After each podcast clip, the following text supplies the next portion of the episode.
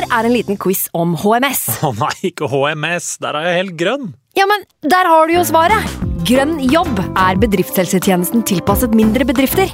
Våre HMS-eksperter hjelper mer enn 8000 bedrifter over hele Norge med alt fra lovpålagte HMS-krav til pålegg fra Arbeidstilsynet. Få på plass bedriftshelsetjeneste på grønnjobb.no. Hallo? Jeg kommer fra Oslo politikammer. Ine Jansen er purk. Er du purk? The motherfucking bitch. Alt jeg vil, er å finne ut hva som skjedde med mannen min. Jon Carew. Er jeg sikta for noe? Iben Akeli. Det er du. Ole So, Lars Berrum og Big Daddy Karsten. Hvem sin side er du på, egentlig? Anette Hoff, Tone Danielsen, Kommer du fra Afrika? Jørnis Josef, Nesten. Kløfta. Trond Espen Seim, Det er synd å si det, men det var feil mann som døde. Purk. Premiere tirsdag på TV2 Play.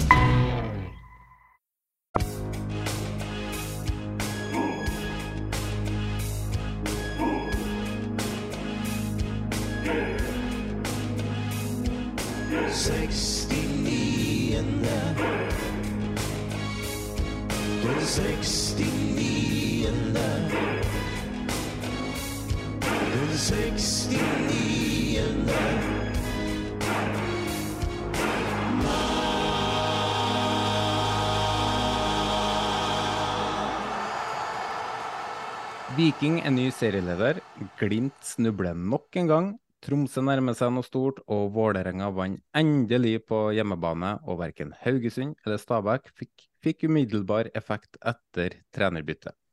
Hvor det ble null poeng og null mål på hjemmebane for begge lagene. Vi skal gå gjennom alle kampene, og vi har med oss en legendarisk sitatmaskin som gjest i dag. Men først så må vi dra inn de tre andre variantene i studio. Og Arskan, du smiler og er glad, for endelig ble det tre poeng på deg og Vålerenga. Ja, det var vanvittig deilig å få en uh, trepoenger. Og på hjemmebane. Det er lenge siden sist. Det er eh, 16. mai, og da var jeg heller ikke der. Så jeg har liksom ikke sett Vålerenga vinne i serien hjemme i år. Nei, det, det er jo Det er deilig. Vi får håpe det var siste, skal jeg si. Nei da. Men um, jeg er litt, sånn, er litt vondt. Vi har, vi har en, uh, hatt en uh, fan av podkasten som ikke hører så mye på oss uh, nå for tida. Han heter for Jørn og um, en ihuga Lillestrøm-supporter. Helt til du begynte i podkasten, Arskan.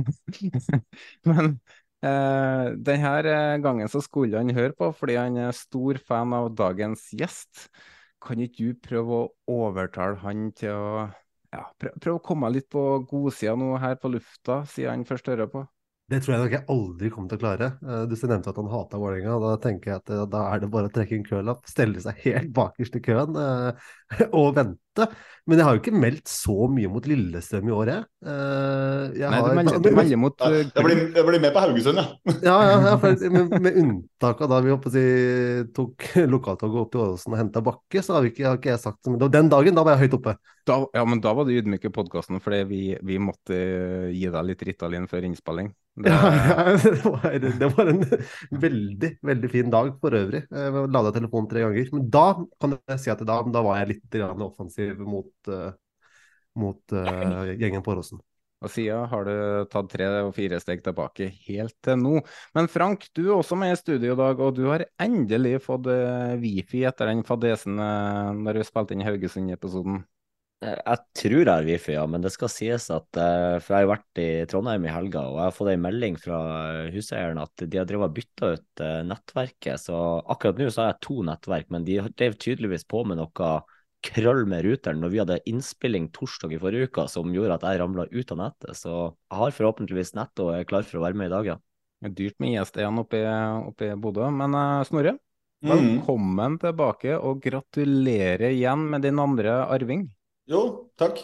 Takk, takk. Det er godt å være tilbake òg, selv om eh, det har vært slitsomme dager. da. Ja, Hvordan har de dagene vært for deg? Nei, altså, du har jo gjort dette to ganger selv, eh, Jonas, så du vet kanskje bedre enn andre. Men hvis jeg skal prøve å beskrive det, så er det jo noe Det er jo en livsomveltende opplevelse. Eh, fordi du starter liksom livet som, eh, som pappa, eller som foreldre, med å med underskudd, fordi fødsel er slitsomt for eh, alle, spesielt hun som føder. Og så må man steppe opp. Så man starter liksom med underskudd, og så prøver man bare å bruke de neste dagene på å bli kjent med det lille mennesket og, og finne en eller annen form, noe som minner om en rytme. Det er vel egentlig Var, det. var, du, var det slitsomt for deg også? Det er som jeg sier, det er slitsomt for alle, men ikke i nærheten av så slitsomt som det er på Charlotte. Så eh, Men det, det, det, det, som er, det mest slitsomt som en sånn mentalt krevende øvelse. For du må være den positive, den støttende. Eh, og det er ikke ukjent for å være, så det er jo Nei, men altså, uten at jeg skal si for mye, så var det jo en hard, hard opplevelse. for Det var en hard fødsel. Eh, og når du ser at liksom at det, går litt på, på eh, tomt på tanken, og så skal du liksom prøve å peptalke det opp, eh, toget opp og gå igjen. Det er, uh, altså, Askan jobber i markedsføring. Det er, det er en tøff, det er en tøff, tøff salg da, å selge inn at dette går bra, dette klarer du. Det er, er nok ikke enkelt. Du kan, bare, du kan vise henne en Vålerenga-kamp, så popper hun ut den kiden så veldig fort som mulig.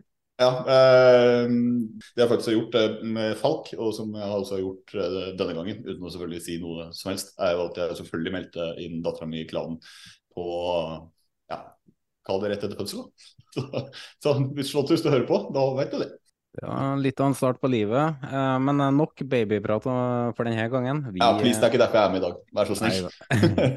vi er nødt til å få inn eh, dagens eh, gjest. For min, i min generasjon altså, det er helt vanlig å vokse opp med dagens gjest i TV-ruta fra klokka 18.00 til nærmere midnatt hver eneste søndag i oppveksten. Men for generasjonen før oss er han kanskje kjent som en fotballspiller, fotballtrener, journalist, visepresident i NFF og for å ha leda sponsorfirmaet Multimanagement med Grete Waitz, Tore Ryen og Rolf Noreng. Nå har han rukket blitt 75 år og er pensjonist, men er ofte å se på Åråsen i forbindelse med Lillestrøm sine hjemmekamper. Nå er han her i studio med oss, fotballtreneren, eksperten, legenden og sitatmaskin. Velkommen til oss, Ivar Hoff. Tusen takk. Takk skal du ha. Jeg syns det var hyggelig å høre dere prater om småunger. Jeg til å tenke på Jeg trena Raufoss et par år etter at jeg var i Lillestrøm. Og da måtte A-treneren også lede fotballskole for unger. Det er sånn eh, gravid barnehage som man ordner eh, uka etter sankthans og uka før skolen begynner igjen, for eh, foreldre har ikke hatt fellesferie. Da fikk Halvard Thoresen sparken i Brann. Så ble jeg ringt opp av NRK.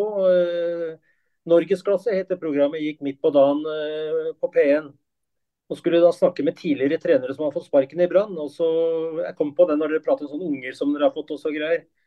Eh, og dette skulle gå direkte klokka tolv, og da hadde vi lunsjpause på Raufoss. Så jeg kunne ta telefonen på kontoret. Ja, Da er vi så heldige å ha med Ivar Hoff fra Raufoss, og du leder en fotballskole, Ivar? Ja, sa jeg. Det, det gjør jeg. Og hvor mange barn er det på den skolen? Nei, vi er vel 120 stykker. Og du syns det er artig å jobbe med unger? Nei, sa jeg. Det syns jeg ikke. fikk, jeg, fikk, jeg, fikk jeg kjeft av kona. Det må vel kunne gå an å holde kjeft en gang iblant, sa ja, ja, men det, det, det, er jo noe du er kjent for, for vi har jo snakka litt i telefonen de siste dagene. og når jeg snakka med deg, så følte jeg litt at jeg snakka med han Ivar Hoff som satt i TV 2 hver eneste søndag. Det var ikke noen forskjell. Men så har vi hatt med mange andre i det studioet her. Og når vi da slår av rekord, så kan det plutselig bli en litt annen person som eh, er litt klarere i meninga enn når eh, rekord. Så du er jo der bare sjøl. Ja da, ja da. Ja, da. Nei, men det bare kom på den akkurat. men, eh, men hva, hva, er det du gjør nå om dagen? Du er jo pensjonist og du er mye på Åråsen. Ja, jeg deltar i et program som vi lager eh, på YouTube og eh, Kall det talkshow, da, som vi har eh, opptak på torsdag som regel før helga. Hvor vi tar inn en av spillerne som kanskje ikke våre supportere er så kjent med, og kommer litt under huden på vedkommende og prater om kampen som har gått og kampen som skal komme. Og Det har vært artig. Så det, har jeg kost meg med foran hver hjemmekamp. Ellers er jeg fast på Åråsen når jeg, jeg har anledning til det på hjemmekamper. Ja, for jeg så en, en episode når dere hadde Davy Vatne som gjest, og det, det, det, var litt sånn nostalgisk eh, følelse. Det mangla egentlig bare Mini der, så har det jo vært eh, helt perfekt. Ja, men jeg tror, tror, den var relatert til eh, noe som Mini ikke har vært i nærheten på mange mange år, til cupfinalen. Som eh, Brann eh, lekte med oss på Ullevål i våres. Fjorårets ja. cupfinale, hvor finalen gikk i våres. Stemmer det. Ja. Eh, hvis jeg skrur tida tilbake, da til da du var aktiv fotballspiller, for du spilte jo i Strømmen, Skeid og Lillestrøm. Hvordan vil du beskrive deg sjøl som spiller og din karriere? Nei, det karrieren var ikke stor. Jeg, Lillestrøm og Strømmen var jo tredjedivisjon da. og jeg spilte i Strømmen som lilleputt og smågutt og tok uh, sølvballen i fotball da jeg var ni år, så jeg var relativt teknisk. Eh, så flytta vi til Oslo, Carl Berners plass. Og da gikk jeg inn i Skeid. For jeg gikk på Sandaker og Sinsen skole, og det er jo Skeid-områder. Men eh, jeg ble også veldig glad i Vålerenga. Forfatteren var veldig opptatt av Vålerenga, så vi var og så på dem. Og så på seriemesterlaget i 65. Det er et legendarisk lag. Og Europacupen mot Everton som Vålerenga hadde året etter. Så Vålerenga har alltid hatt en veldig stor plass i hjertet mitt. Og broren min Joar også har jo trent Vålerenga, så jeg kan også si at jeg var vel nesten den eneste fra andre klubber som deltok i begravelsen til Tor Jørgensen, som ble begravd i, i Vålerenga kjerke nå eh, i sommer. Som kanskje er i mine øyne en av de største fotballederne som uh, Norge har hatt. Hvor han bygde opp Vålerenga til å bli 80-årenes lag. Så uh, jeg har alltid hatt respekt, og Tor Jørgensen har vært et forbilde for meg. og Han er også var den beste idrettslederen som min bror Joar noensinne har jobbet sammen med.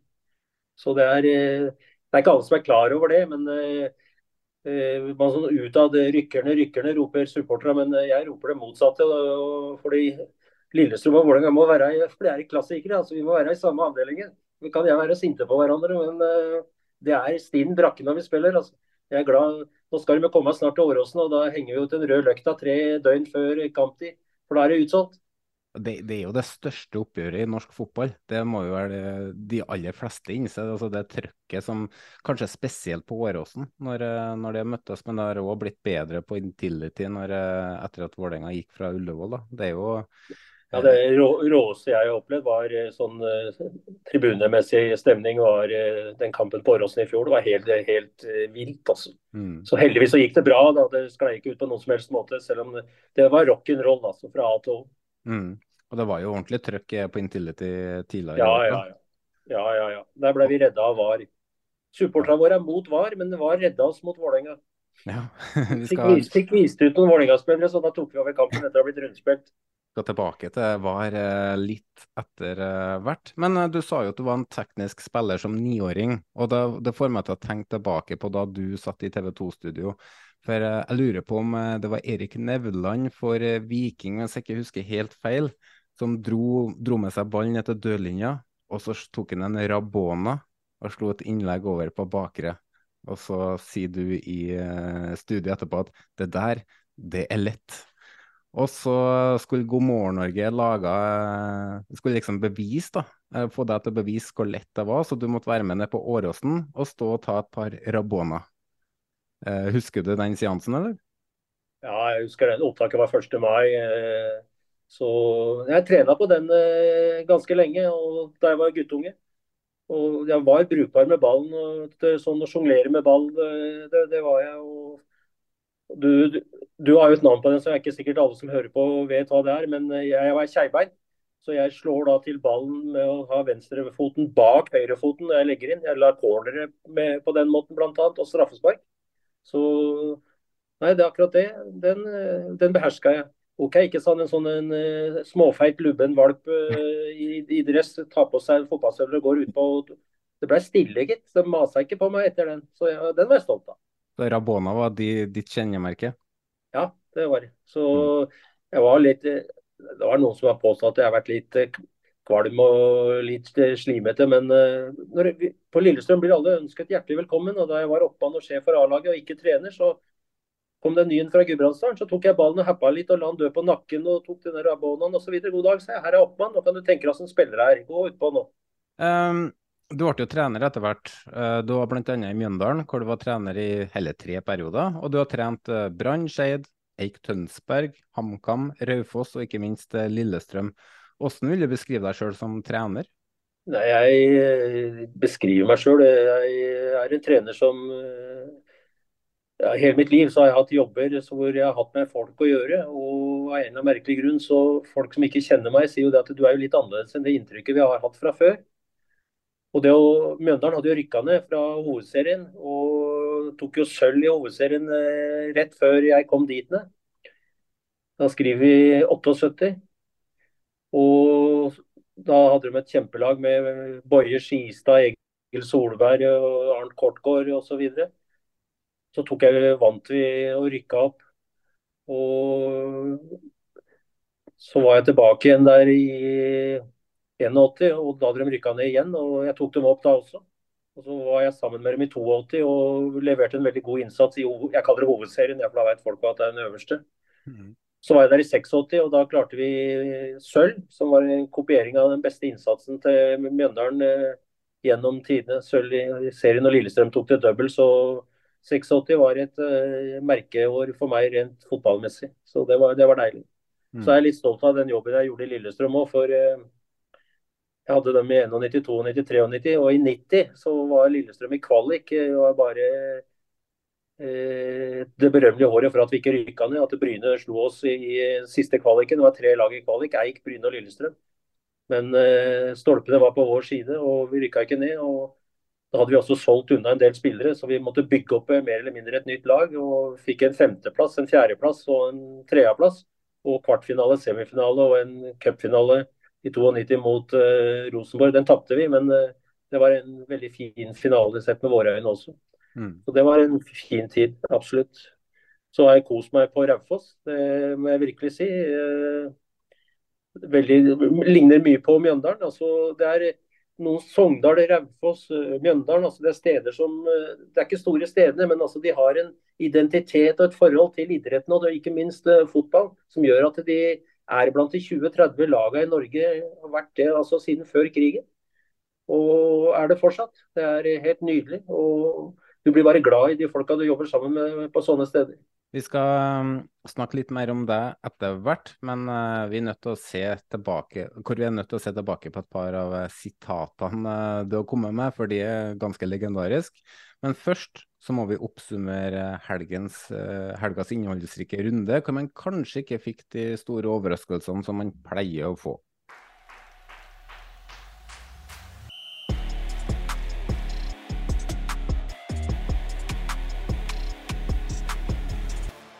Vi starter med gullkampen, og da tar vi turen opp til Romså Arena, hvor Tromsø tok imot HamKam.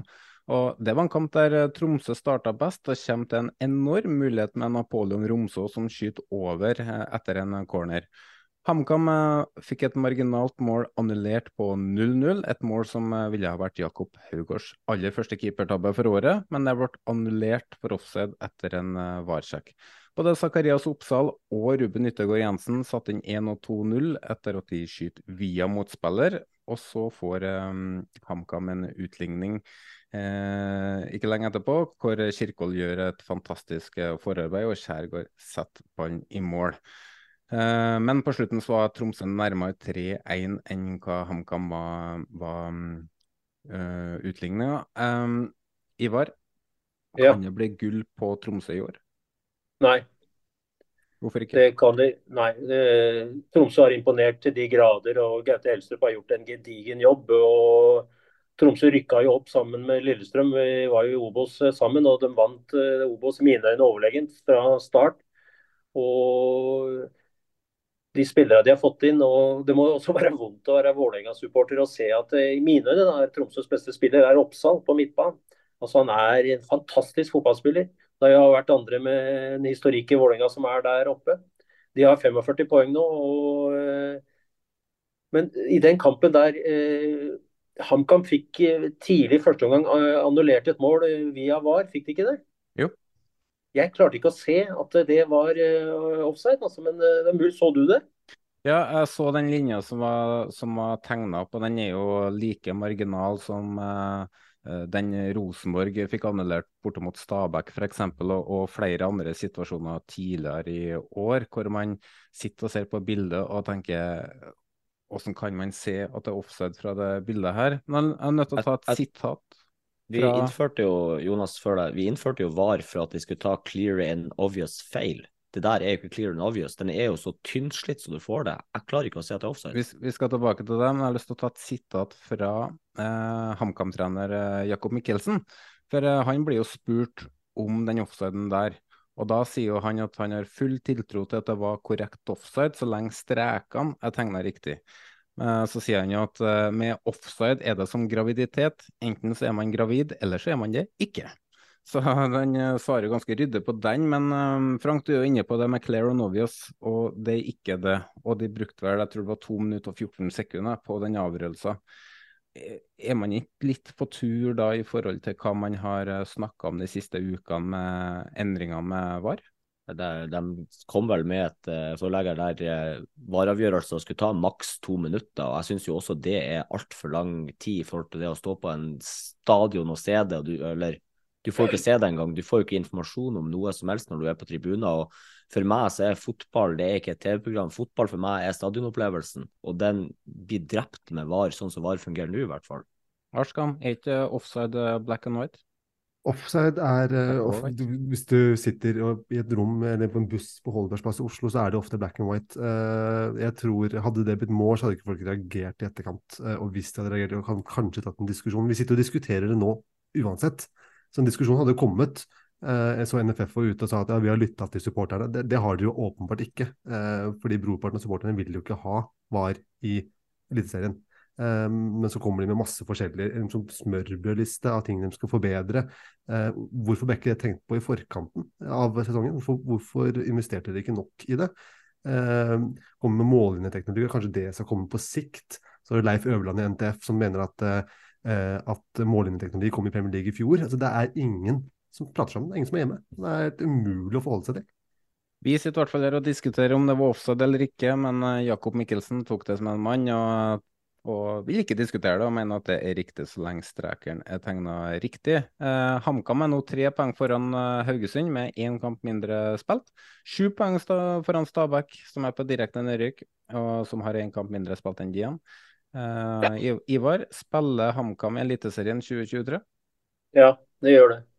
det HamKam har egentlig overraska meg med et positivt spill. Eh, det har også en spiller der som faktisk er sønn av Gunnar Lønstad, som uh, heter, heter Onsrud Lønstad.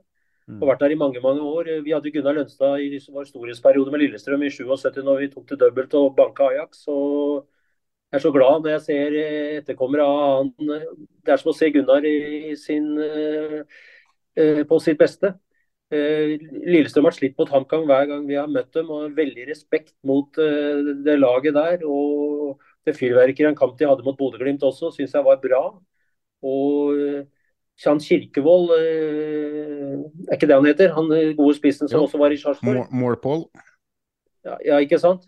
Det er jo bare nydelig å se på. Så, og de har jo også relativt små ressurs, ressurser på, på Hamar. Så det var vel Ståle som anbefalte han vår danske venn som, eh, som, trener der oppe. og 23 poeng på eh, de kampene som nå er spilt. spilt. Da får du over 30, og klarer du 30-31, så står du som regel. Selv om Lillesund rykka ned på 30 poeng, men det var jo på en merkelig måte i kvalik mot start hvor vi leda en haug med mål. Men han som leda laget da, han ødela jo for oss, og vi måtte ned i Obos. Uh, så får jeg melding fra Frank som påpeker at det er 2024, jeg mener det er da HamKam skal spille Eliteserien. Og vi er jo litt enige med deg, for vi har jo egentlig avskrevet uh, HamKam i nedrykkskampen. Selv om vi har meldt de ned til Obos i hele år fram til sommeren, egentlig. Så den oppsvingen som HamKam har, er jo, er jo ganske um, overraskende. Men det ja, det ble jo en litt lengre uh, VAR-avgjørelse her, Ivar. Uh, og vi har fått inn et lytterspørsmål som jeg er nødt til å ta. For uh, Håvard Skjærstad spør hva syns du om VAR? Jeg har vært for VAR hele tiden. Jeg går helt tilbake til EM i Sverige, der Nederland ble bortdømt fra en annuller, fikk annullert en goal som skulle vært godkjent. Da var jeg for videodømming, som vi kalte det den, og med tanke på da målfotoer. Og var i NRK radio i debatt med Rune Pedersen, uh, som da var toppdommer den tida der. Han var imot det, for uh, jeg var for det. Og da sa jeg det at jeg syns Er du for rettferdighet? Altså om vi ser om ballen er inne eller ikke. Det er gjort på ti sekunder. Og jeg syns VM sist var, Da var VAR til stede, og det syns jeg de behandlet meget profesjonelt. Men de hadde jo ekstremt mange kameraer flere enn det vi bruker i Norge. Og de sier også nå som et argument at vi må ha flere kameraer. Hvorfor har vi ikke det fra starten av? Jeg vil ha eh, linjer, kameraer, helt klart. Og en eh, strekeoppbygging som gjør at du kan se om det er offside eller ikke. Dette er, finnes det teknikk for. Jeg vil ha målkameraer for å se om ballen er inne eller ikke. Og ballen skal langt over streken før han egentlig er inne, ifølge regelboka. Så rettferdighet, det vil jeg ha. Jeg ser det mange som sier at det tar bort kanskje noe av verdien i det opplevelsen, men eh, jeg syns ikke at man skal få godkjent eh, mål som er offside, og man skal heller ikke få annullert skåringer som ikke er offside. Jeg syns også en del straffesituasjoner kan også bedømmes via VAR. Men det må gå raskere enn det det har gjort. Og to minutter er også en veldig lang tid. altså Det er altfor lenge. to minutter. De sitter jo og ser situasjonen også live, og så tar det ikke så lang tid å se den i reprise. Da får de ta en avgjørelse. At den en gang imellom kan bli feil, den kjøper jeg. Vi har eh, snakka nok om VAR i årvis, så vi skal ikke gå inn i en debatt eh, om VAR eh, her og nå. Um, så vi kan egentlig bevege oss over til neste kamp, og i den forbindelse må vi selvsagt kjøre en svært passende jingle.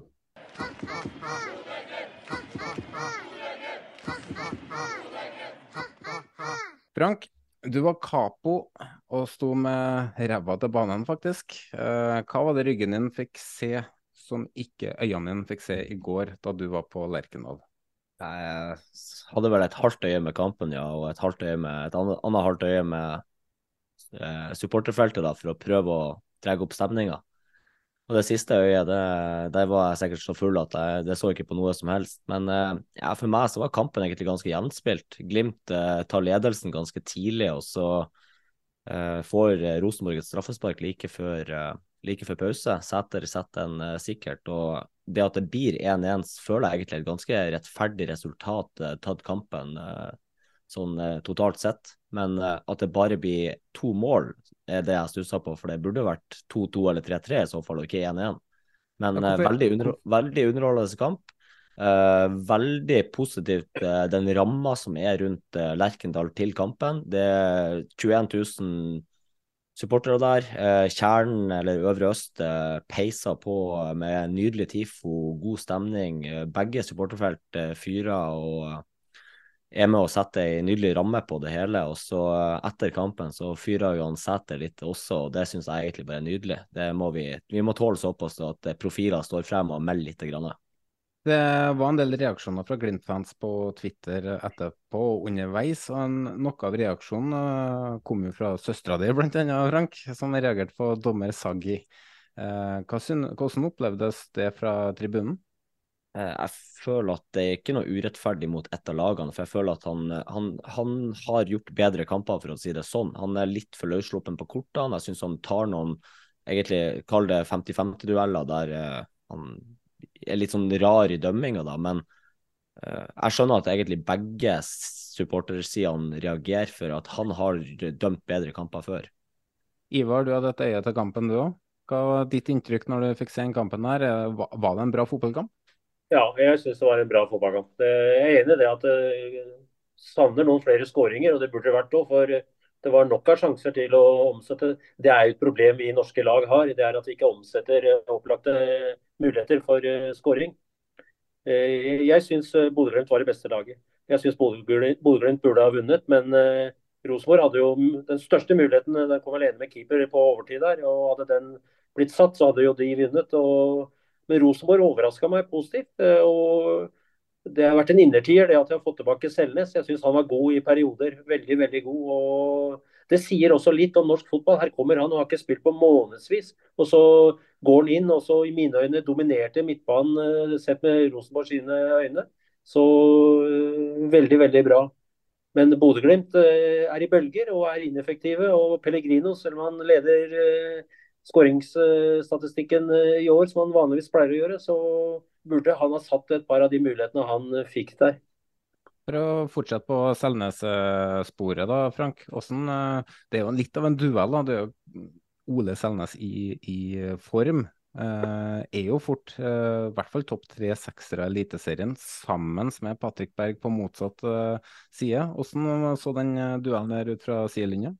Nei, altså, Det var veldig tydelig at han Selnes ikke er i form. og det I hvert fall utover i kampen så virka han uh, sliten. Han, uh, Selnes uh, sto vel egentlig i duell med Grønbæk, hvis jeg ikke husker feil. Ja, frimerke sånn på han. Ja, men du så det, altså han Grønbæk er jo noe eget i denne ligaen. Han Grønbæk er for god for norsk eliteserie. Han forsvinner jo enten ut til vinteren eller neste sommer. altså Noe annet kan jeg ikke skjønne, og han å gå for en høy sum. Men uh, Selnes uh, inn i det Rosenborg-laget det er greit at han har, han har kanskje ikke alderen på sin side lenger, men han kommer til å være så utrolig viktig for den bygginga av et nytt Rosenborg-lag nå. Og det å få inn han med den foten hans, de lederegenskapene hans, det fotballhodet han har, det kommer til å løfte Rosenborg eh, på sikt. Og så, Jeg syns han gjør en bra kamp til å være første kampen, men han har mer i seg. Snorre, du hadde et øye til kampen, og vi må ta ett punkt eh, til på Rosenborg før vi går over til Glimt. Og der har jeg plukka ut Håkon Røsten. Eh, hva har du å si om 18-åringens eh, innsats i kampen her? Nei, altså Uten å avsløre for mye, så så kommer man liksom ikke utenom eh, Røsten når man skal se på hvem er det som, uh, som eh, er på rundens lag og ikke, som vi pleier å gjøre. Altså, jeg snakka litt med deg underveis. Uh, han hadde vel en liten uh, glipp på den ene store sjansen til som Pellegrino blir satt opp til der, men bortsett fra det så er han bunnsolid, egentlig.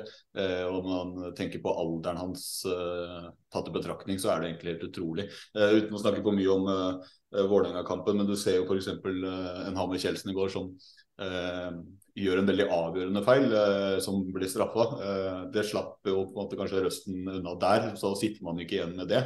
Men uh, han, det er en spiller som har fremtida foran seg. Og det er, man snakka mye om Nypan.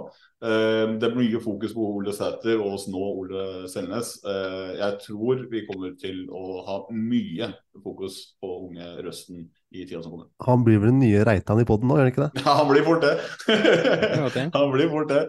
Så nei, men det um, Altså, jeg, jeg tror, uh, hvis jeg leser RBK-Vibben om dagen, da, så er man optimister, ikke på vegne av denne sesongen, her, for den er over, men uh, fordi man har spillere som Nypan som Røsten, uh, resignering av uh, Sæter og signeringen, uh, comeback av Ole Selnes, de bygger noe der. Så ja, Røsten skal vi bli bedre kjent med, det er jeg helt sikker på.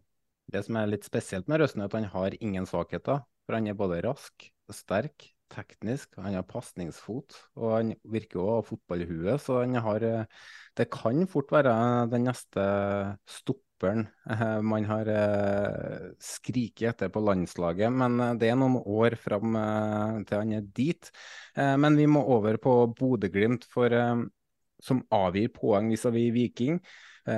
Og nå er de da to poeng bak, etter at de leda med ganske mange poeng tidligere i vår. Eh, før neste landslagspause så har Viking tre kamper. Bodø-Glimt har seks. Snorre, er det her tidenes skandale om Glimt ikke tar gull, hvis man ser på alle investeringene de har gjort for å sikre seg det gullet? Tidenes skandale er det vel kanskje ikke, men uh, det er jo i hvert fall Jeg vil jo putte det i kategorien fiasko. Uh, fordi uh, for meg så var det én soleklar gullkandidat egentlig den, før denne sesongen her. Uh, og det var Glimt. Uh, man tenkte at Molde også kom til å være der. Og når de datt av tidlig, så tenker du at det blir plankekjøring. Og det så sånn ut lenge også. Og så våkna Vikingtoget. Uh, og Bodø-Glimt har hatt varierende form. spesielt defensivt har de slitt. Slipper inn en del mål. og så har man brukt mye penger. Og det, jeg skjønner at supportere ikke er så glad i å snakke om det, men det er, det er, det er den rike klubben da, som investerer og har all rett til å gjøre det. Og når det da, hvis du plutselig skulle bomme på det som er det åpenbare valget hos mange om hvem som skal ta dette hjem, så vil jeg jo kalle det en aldri så liten fiasko. Det er jo ikke en skandale, kanskje, men eh, det, det gjør nok vondt, da, tenker jeg. Det vil det gjøre. Mm. Eh, Ivar, uh, nå har Glimt tatt 15 poeng på siste ti kampene. Uh, er det et lag på turné, sånn som du ser det nå, eller er det bare en liten dårlig periode, og så kommer de hjem? Altså, jeg, hvis vi går tilbake til fjoråret, så vant Molde serien 18 poeng foran Glimt, tror jeg. Og da eh, brukte vel de en del argumenter på at de skulle prioritere e-cupspill. Eh, men eh, du ser det potensialet som er i, i, Glimt, og med Pellegrino, da, som i mine øyne er utrolig. Altså han han slår jo pasninger han i vinkelen og ned i stolpekrokene i stedet for å skyte vilt som mange andre gjør. Så nå, ok, nå fikk de ikke til så bra på Lerkendal, men uh, det er jo en spiller som uh, jeg vil si hva Kristiansund og Bodø-Glimt har fått til med han. Han var jo best i Bærum da han spilte der. Han er jo fra Drammen opprinnelig. vel. Så kom han til Lillestrøm, fikk det ikke til, floppa. Gikk til Mjøndalen, fikk det ikke til, floppa. Gikk til Strømskose, kom på kant med treneren, floppa. Gikk til Kristiansund. Kristiansunds glimrende trener Christian Mikkelsen fikk jo fart inn. Og så ble han jo også profesjonell i utlandet, og det var flott, for da har han kanskje sikra seg og sin familie resten av livet økonomisk. Så kommer han til Bodø, det var vel kanskje litt trått å begynne med, men så blomstrer han mer og mer. og er det 18-19 mål han ligger på nå? Jeg husker ikke helt, for jeg følger ikke så nøye med. Men uh, jeg tror Adams fra Lillestrøm er på annenplass, fortsatt med ti gold eller noe sånt. Nå. Så uh, Og Bodø-Glimt, ok, de er to poeng bak Viking. Viking var gode på våren i fjor, og så stoppa det helt opp på høsten. og Du havna på en 11.-plass på 35 poeng. Men hva de to trenere har fått til med det laget, og Tripic, mine øyne, er kanskje tippeligaens beste spiller hvert de siste tre åra. Og jeg syns også sønnen til Ståle, Solbakken mm, Er det Markus han heter? Ja. Og jeg vil si Det han har tilført det laget, hvordan han har vokst som spiller. Eh, og Jeg syns det var riktig av far å ta ut sønn. Det, han skal ikke straffes fordi at faren hans er landslagstrener. Det gjorde heller ikke Maldini i Italia. Så de er imponert. De kommer til å være med helt inn til døra, men eh, jeg tror eh, Bodø eh, vinner serien.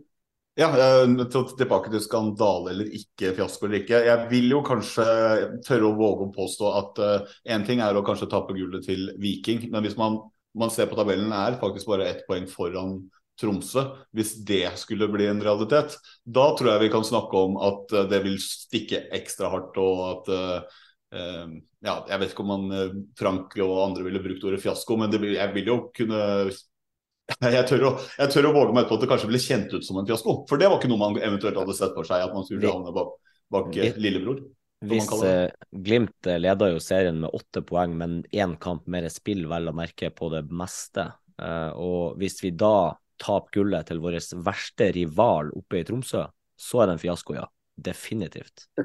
Ja, Det var ikke magefølelsen så, så gæren, da. Men nå tror ikke jeg at det skjer. Jeg tror at det kommer til å stå mellom sånn som Ivar sier, jeg tror at det kommer til å stå mellom Viking og, og Bodø-Glimt inn. Og jeg tror fortsatt at Bodø-Glimt tar det basert på De har erfaring med, eh, også, med mye kamper. De eh, kjenner til situasjonen og har det letteste programmet eh, som, er, som, kan bli avgjørende. Men eh, nå, nå, er jeg på stedet stadiet hvor jeg føler det er litt sånn Eh, ja, 60-40 for Glimt, kanskje. da.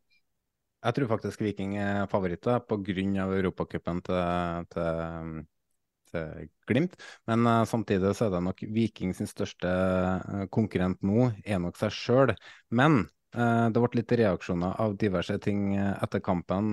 Frank var inne på det. Ole Sæters kommentarer i retning Glimt-fansen, som enkelt ikke tok så um, Ja, tok det ikke så bra, Arskan.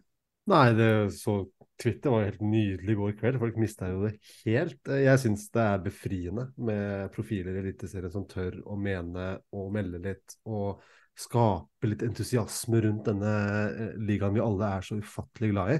Eh, det han sa mot Glimt-supporterne nå, er om det er den felles forståelsen Fotball-Norge har eh, for deler, og ikke alle, for han drar ikke alle ved samme kamp for en gangs skyld, deler av, av den skaren der. Uh, det er morsomt at Pellegrino Jeg tror Pellegrino fikk servert spørsmålet litt feil. For han trodde nok at uh, Ole Sæter snakka dritt om det Glimt har gjort som klubb. Ja, det er det samme altså Brede Mo i VG fikk jo servert spørsmålet som om Ole Sæter meldte mot klubben Bodø-Glimt. Det, det, det, tror jeg, det, tror jeg, ikke Bodø, det Ole gjorde. For alle er enige om at det er noen, som har, noen klubber som har gjort noe riktig. De siste årene så er det jo Bodø-Glimt og, og Viking.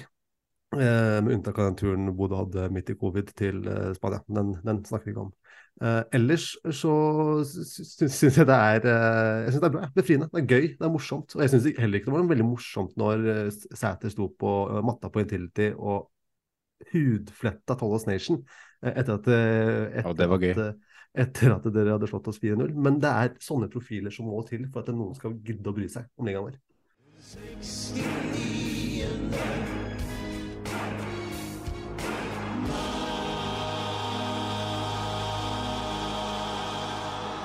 Haugesund pleier å være en vanskelig arena for Viking, og det har vært en vanvittig god og langvarig oppbygging til den kampen her. Men Viking viste seg favorittstempelet verdig og ligger nå alene på førsteplass. Noe som er første gang siden 17. mai 2022. Uh, Arskan, du kikka litt på den kampen, og hva syns du? Jeg syns det var en fin kamp. Viking hadde til tider kontroll. Men jeg ble også litt imponert av Haugesund, eh, selv om de ikke Eh, jeg syns de så mye mer offensive ut enn det de pleier å gjøre eh, under eh, Jostein Grindhaug. Men Viking hadde kontroll. Stålkontroll. Vel fortjent seier i, begge omgangene òg. Full kontroll. Men Haugesund var litt positive. Jeg gikk jo inn med Jeg så for meg at Viking skulle kjøre over dem. Det gjorde de ikke.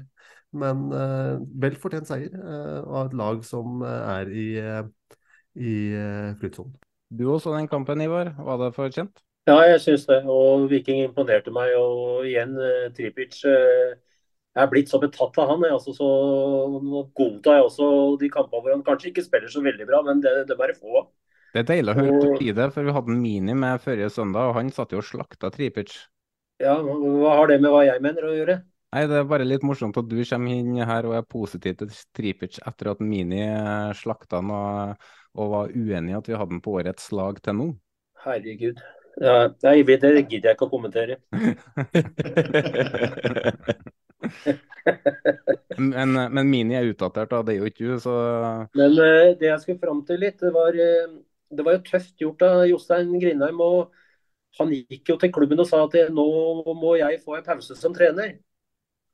Og så har de jo fått inn uh, Manoharen, eller noe sånt, tror jeg han heter. Jeg, jeg er ikke helt sikker på Manoharen, ja som vel ikke har noe erfaring i det hele tatt som uh, trener av et lag uh, i de øvre divisjoner. Ja, for er det ideelt å overlate ansvaret til en så uprøvd akademisjef som uh, aldri har trent et seniorlag før? Og så er jo Haugesund i en posisjon der at de fort kan rykne? Du har helt rett. Jeg, jeg, nå stilte du kanskje spørsmål, men jeg følte at du også mener at det kanskje er litt tøft gjort. Jeg syns det er helt feil. Ja, og, og begge assistenttrenerne har, jo trukket seg i protest pga. det. Det er samme som Shiri det i Ålesund. Når eh, de fant ut at han tidligere Raufoss-treneren eh, Johnsen skulle ta over, så trakk han seg altså med en gang. For han mente at han var god nok til å trene det laget. Så det forstår jeg. Men eh, jeg har også respekt for styrene som tar et valg. Men akkurat det i Haugesund, i den situasjonen de ligger nå, de har vel også én kamp mer spilt enn de andre. Og har jo ikke i det hele tatt Nå har de jo 20 poeng da, på 22 kamper, men du må opp på 30. og Da må de ta et høyere snitt eh, på de åtte kampene som er igjen, enn ett poeng i snitt per kamp. Og så har de en utvikling som går nedover, og det de egentlig trenger da, i mitt hue nå, er jo en som kan Altså, de har jo gode spillere der. De må bare switche om litt i huene og, og begynne å få trua på det. det, det så... de, har et, de, har et, brukbart lag, det er om ingen tvil. Men de har ikke fått det til å funke i det hele tatt. Eh, det har gått sånne perioder i bølgedaler. Og eh, jeg syns det var feil av Grindheim å kaste inn håndkle, for eh, selv om hans navn var debattert og sikkert noen møter med, uten trenere til stede hvor spillere Det er alltid er det sånn at de spillere som ikke er i startelveren, er jo mot treneren. så Det er jo noe vi lever med til daglig. Når det da butter litt imot resultatmessig. Men det han står for, og han, han kan nedrykk, for å si det på den måten. Det sa også Boje Skistad i Mjøndalen. At vi ligger her nede og blir nervøse. Stemmer ikke sant? Vi kan nedrykk, vi er vant til å ligge her. Og da har du ikke høye skuldre oppover øra. Men eh, jeg, jeg, tror at de eh, jeg tror de klarer kvalik og kan eh, beholde plassen via det. Mm. Eh, Arskan, det skjedde jo litt andre utenomsportslige ting på Haugesund stadion. Det var noen leiligheter der, litt kasting og klatring og slag og dytting. Eh, du hadde en mening om det? Og, og stage dive. Ja, stage dive. Det var det også. Eh, det hadde jeg. Og så har jeg sett da i etterkant at det har blitt altså begge veier. da. Eh, Haugesund-supporterne får kritikk, de som er balkongen. Viking-supporterne får kritikk for de går opp. Det er én eh, Det er en, en, liten gruppe mennesker som skal ha kritikk, og det er arrangøren til kampen. Eh, det er de som har ansvaret for sikkerheten til supporterne. Det er de som har ansvaret for at ting ikke skal koke over. Eh, det konseptet å ha leiligheter på en stadion i seg selv, det er jo én ting. Nummer to, når du først har leiligheter på stadion, at du da har bortesupporterne stående under leiligheten til hjemmesupporterne, det er også en fascinerende avgjørelse. Og så er det nummer tre da, at du gjør det i et derby. Det syns jeg er så Det skal én kommentar til. Det skal en som spytter litt vann ned på balkongen, eller en som kaster noe opp, så er det i gang. Og i et derby så er det følelser.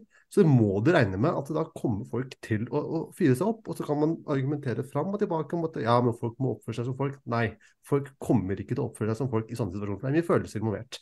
Så det er ikke Haugesund-supporterne sin skyld, det er ikke Viking-supporterne. Det er arrangøren som plasserer eh, bortesupporterne under leiligheten til hjemmesupporterne. Kan jeg få lov til å si noe nå?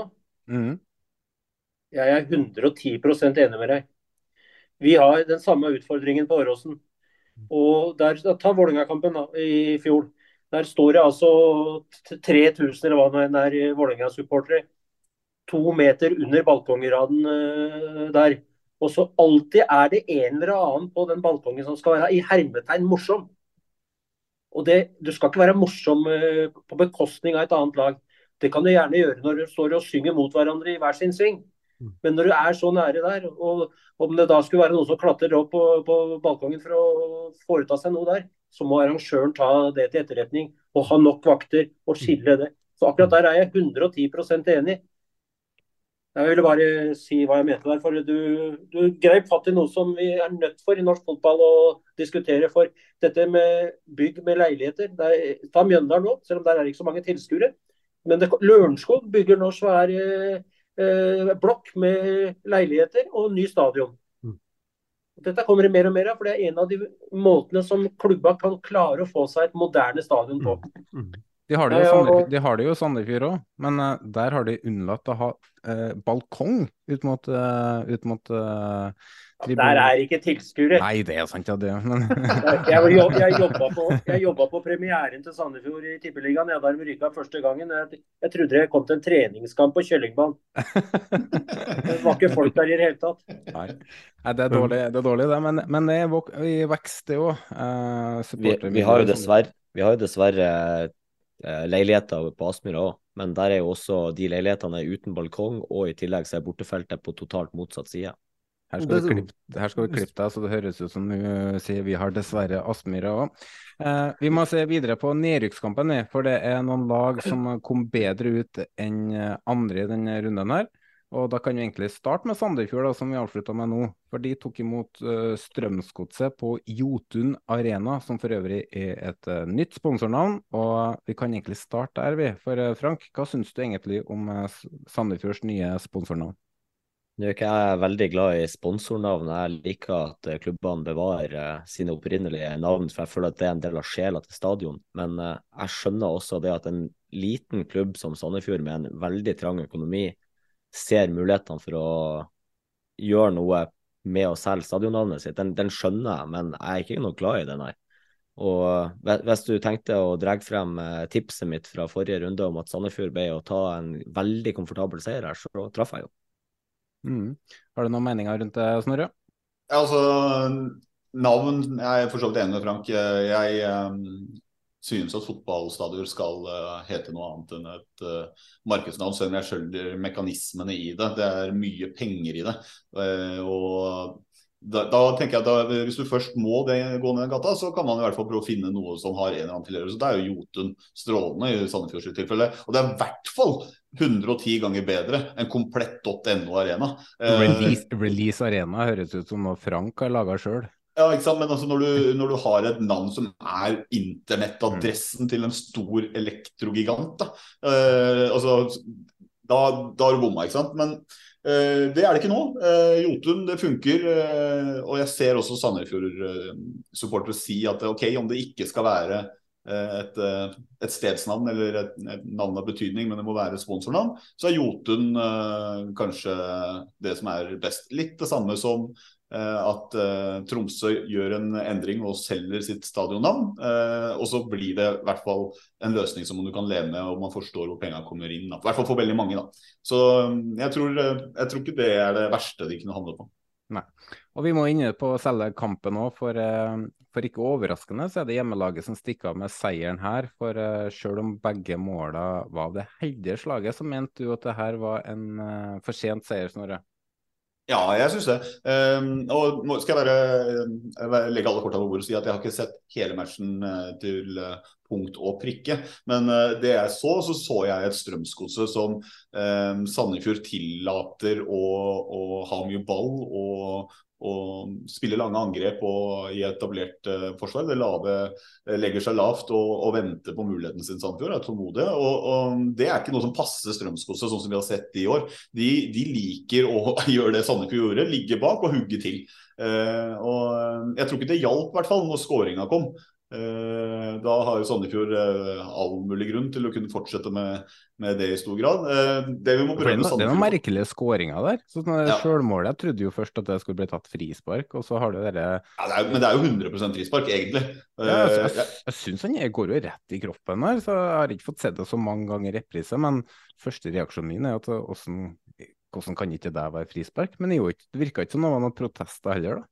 Nei, det det kan du så si. Jeg, altså, det er lett, kanskje lettere for oss som ser det på TV-en. Du ser det kanskje fra en annen vinkel, eller eh, du får det i den reprisen. Og så tenker, men jeg, jeg også tenkte det med en gang jeg så det. Det, der burde være et frispark. fordi Han er jo ikke interessert i å prøve å komme først på ballen, han er veldig interessert i å forstyrre han som er først på ballen. Og da er det jo eh, skal det være et frispark uh, sånn sett. Men altså det som er fascinerende med den kampen, da, hvis vi bare kan ta det, er jo at det er Eh, statistikkmessig så er det ganske jevnt. Ballinnhav eh, jevnt. Eh, eh, skudd på mål eh, og sjanser generelt, egentlig, så er det relativt jevnt.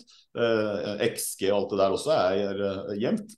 Men når du ser kampen, så ser du at Sandefjord ser giftig ut, mens Strømsgodset ikke så mye.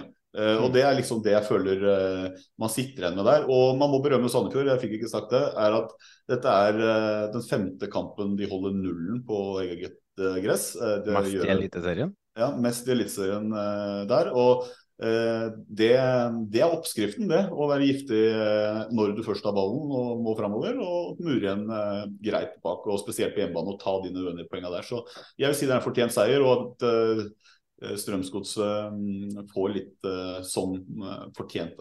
Da. Jeg har jo bodd i Vestfold i over 13 år nå, og på den tida vil jeg si at Sandefjord kanskje er i sin eh, beste periode. Eh, de har akkurat eh, hatt en ja, De har hatt sesonger der det kommer høyere på tabellen, da. bl.a. under ledelse av Lars Bohinen, men da var det ikke like stabilt rundt klubben at du, du satt og venta på at de skulle få et fall. Men det jeg ser nå i Sandefjord, er at med lokale spillere, talenter, spillere de kan selge og tjene penger på, uh, scoutinga de gjør, uh, spillerrekrutteringa, uh, egentlig hele pakka Sandefjord, da, så, så, så, tror jeg kanskje at de kan stabilisere seg høyere og høyere på tabellen med årene som kommer nå, i hvert fall sånn som de bygger klubb. Ivar, hvor imponert er du over, at, over hva Sandefjord og Hans Erik Ødegaard får til med de små ressursene de har? Veldig imponert. Eh, jeg tror også Tegstrøm gjør en god jobb sammen med Ødegaard. Eh, jeg mener å huske om det var i fjor eller forrige året at det var litt spilleropprør i Sandefjord. Og Det var vel kanskje i fjor, og, men hvor eh, sportslig leder, keeperen fra Strømskose og Ødegaard sto tøffe. Og la vel om strategien litt med å hente litt mer lokale enn å hente disse spillerne fra utlandet som egentlig ikke var gode nok. og som ble sure som pokker når de ikke fikk spille. Så det de har stått for, og den fotballen de har prøvd å spille, den har appellert til meg. De har tatt ett poeng i snitt. og Klarer de det også på de ni kampene de har igjen, da får de 30 poeng. Og Da kan det hende at de slipper kvalik, som de havna i i fjor. Og De var jo overlegne i den kvaliken.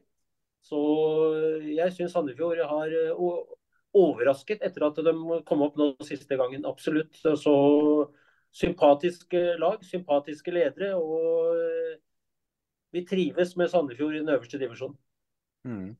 Um, enig med deg der. Og så um, må vi egentlig gå videre vi, til den kampen som en Arskan sitter og dirrer og rister og gleder seg til å snakke om. Eh, for eh, der er det to eh, nedrykkstrua lag som møttes til aksjon på Intility, hvor det ene laget egentlig så å si står med begge beina og begge hendene i Obos allerede. Og så har man Vålerenga som egentlig har kjempa med nebb og klør siste tida, og har lært seg det kunsten å slutte å tape fotballkamper. Men, og det ble ikke tap nå, Arskan, og det ble ikke uavgjort heller. Det ble endelig en seier. Eh, var det å være på Intility? Eh, det er morsomt at du sier. Jeg var jo ikke på Intility. Pga. jobb så eh, måtte jeg være hjemme. Jeg kokte skikkelig på jobb. Men jeg har sett kampen da på TV. Jeg ja, eh, jeg kanskje, har, igjen, kanskje, du, kanskje, du, skal fortsette med det der? Ja, jeg skulle til å si det. Kanskje jeg bare må se TV-kamp og bortekamper nå. Det er kun, kun, det det går i. Men jeg har ennå ikke sett en vinner i ligaen hjemme. Så Brannkampen i cupen, da. Men det var eh, egentlig deilig. Jeg, jeg, skal ikke sitte her og klage eh, over at vi har slått Ålesund 3 igjen. Eh, man kan pirke litt her. Første gangen litt svak. Målet uh, utilgivelig av han med Kjeldsen å kjøre den pasningen på tvers der, og også av Bitri som ikke møter ballen. Du kan, du kan tilgi han for det nå? Ja, altså hadde vi tapt kampen, ikke sant. Ja, du, eh, sa, det, du sa utilgivelig, men du kan tilgi han nå, eller? Nei, ja, han har tilgitt for lenge siden. Han skal male med eh, store pensler, han nå. Det er det. Ja, ja, ja. Han, eh, han, han, ble tilgitt i det, i det Hagen fyrte av den raketten inn i, i nettet. men det var Andre gangen syns jeg var bra. Det syns jeg var Begynner å se bakkefotballen sakte, men sikkert. folk begynner å bli vant til å spille i den formasjonen. Vi har, må ikke glemme at vi har en tropp som er 4-3-3-tropp. Vi har henta litt i sommer uh, for å legge om troppen. Uh, men, uh, men jeg, begynner å, jeg begynner å få litt trua på at det i hvert fall blir kvalik. det skal vi nok klare å redde oss inn igjen. Så har vi, har vi en viktig kamp til helgen som jeg gleder meg veldig til. Hvor viktig var det her, Snorre? Det, det, er kjempeviktig, for neste kamp er uh, Bodø og mot uh, Glimt. som uh, ja, det, det, har ikke vært, det har ikke vært uh, enkelt for Vålerenga å komme dit i det siste, så klart det er viktig. Må begynne å ta trepoengere. Og så er det noe med det mentale. At du mm. faktisk klarer Du ser på en måte når dommeren blåser at det er, det er, glede, men det er også veldig mye lettelse. For det har vært så mye skuffelser. Det setter seg en garderobe, det setter seg en tropp. Så det å snu det og måtte kunne senke skuldra og si at ja, skulle skuldra litt da, å og si at nå har vi fått den første seieren. Det er noe å bygge videre på. Det er selvfølgelig viktig. Og de tre poengene er livsviktig. Uh, jeg, jeg bare, før vi tar videre, så har jeg lyst til å ta det også. at jeg, Arskan var inne på at Det var ikke en strålende uh, førsteomgang av Vålerenga, det er jeg enig i. Men uh, jeg syns også at det var en god uh, omgang av Ålesund. At man har trekket fram noen som jeg syns gjør en bra jobb der også. Jeg syns Isak Atanga så ekstremt frisk ut hele de, den første omgangen. Christensen også syns jeg var en konstant trussel i, i, i bakgrunnen der. Og de sto opp og vant dueller. De gjorde det vondt for Vålerenga, egentlig. Eh, så det, de, de, gikk eh, inn i det med hud og hår. Og du ser at de på en måte, de har ikke gitt opp dette her.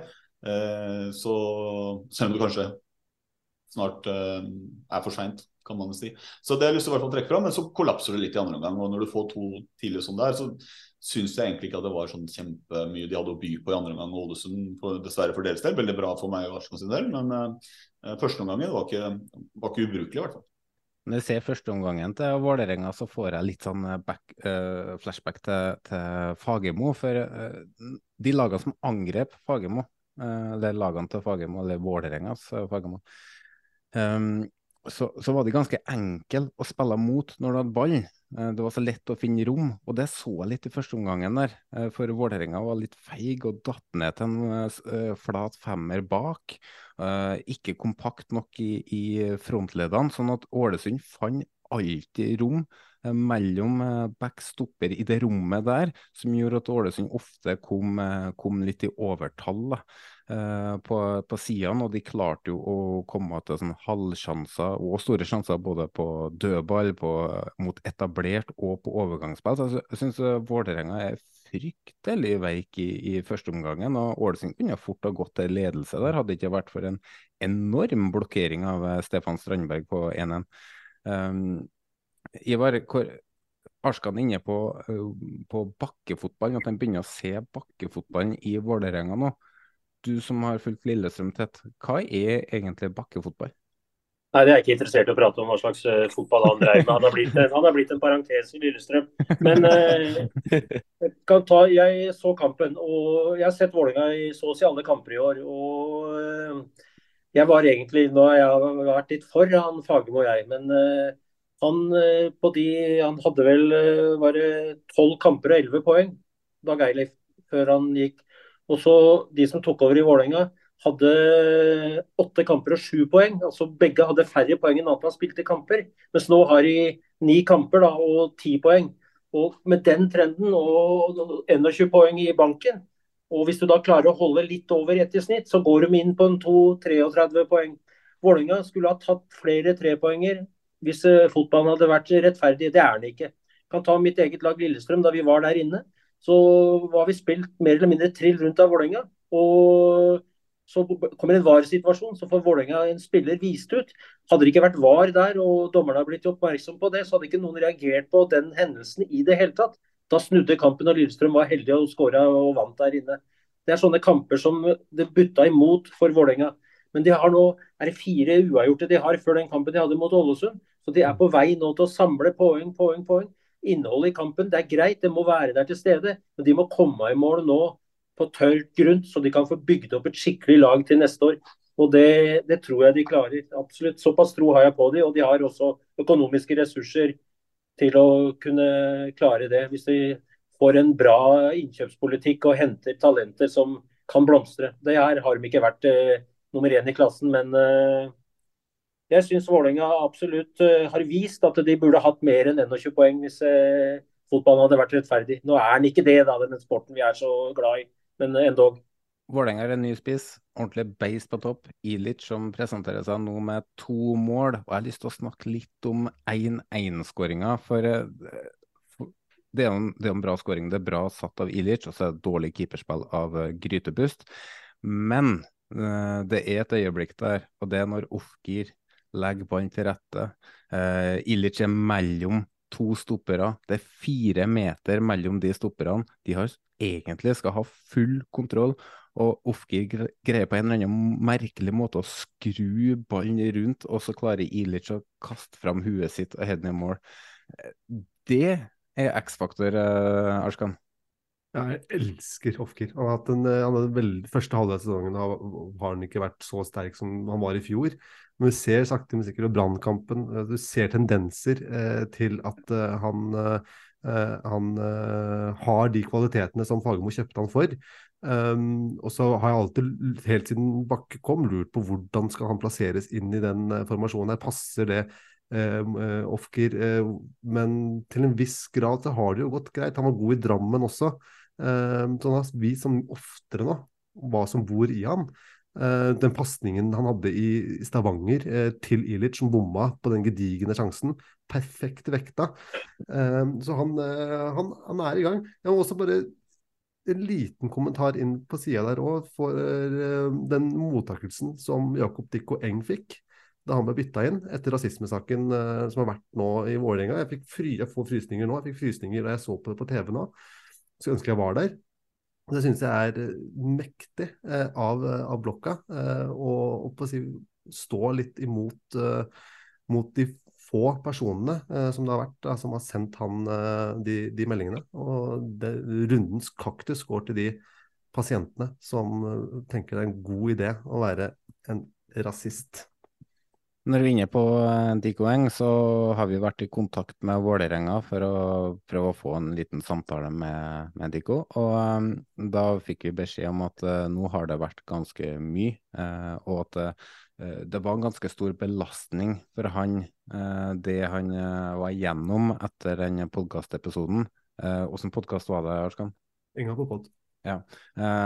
det ble veldig mye fokus, og det er klart at det, det er en ung gutt å, stå fram og være så ærlig og snakke om følelsene sine. og Sånn som han gjør det, det er veldig voksent gjort, men nå ønsker han å ha fokus på, på fotballen uh, framover. Uh, så vi har prøvd, men uh, forståelig nok så, så, ønsker jo han litt mer ro nå. Men da må vi nesten gå videre i programmet vi, til Stabæk, som fikk besøk av Brann. men hvor hjemmelaget har da Bob Bradley på plass for et trenercomeback. Og Frank, du spådde jo at Brann ville kjøre over Stabæk, men det gikk ikke helt slik, for eh, Stabæk så langt bedre ut enn tidligere, hadde mer ro med ball i beina. Allikevel så var det bergenserne som stakk av med tre poeng. Ivar, Bob Bradley tilbake i norsk fotball, tror du det er nok til å redde Stabæk? Nei, tror jeg ikke. Eh, det er en fin trener, og han kom og løfta dem fra å si, langt nede på tabellen Han fikk vel bronsemedalje i 2015. og var et positivt innslag han i norsk fotball. Men jeg var meget skuffet over Stabæk i denne kampen. her. Jeg syns Brann var mye mye bedre i første omgang. Synes jeg det var en divisjonsforskjell på de. Uh, mulig jeg er blitt gammel og ser dårlig, men jeg så nesten ikke en målsjanse som det Stabæk hadde. Her er det nytt gress, her var det kommet en del folk på tribunen. Et uh, oppkjør med Bob Bradley osv. Men uh, det er ikke bare å bytte trener. Når du ser på disse lagene rundt omkring som har bytta trenere, er det seks lag. Var ikke det vi snakka om å komme fram til? Jo, som har gjort det. Og det har ikke vært noe innertier etter at de nye trenerne har tatt over. Da i Ålesund, da, som spilte mot Vålerenga, der uh, vil jeg si at Christian Johnsen, som er en kjempekar og gjorde en god jobb med Raufoss, har nesten ikke fått poenger i hele tatt med Ålesund.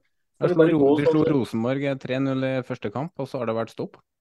Ja, ikke sant. Nå var jo ikke Rosenborg noe så særlig Nei da. Hvem er det som ikke har slått Rosenborg i år? Men det er litt Vålerenga.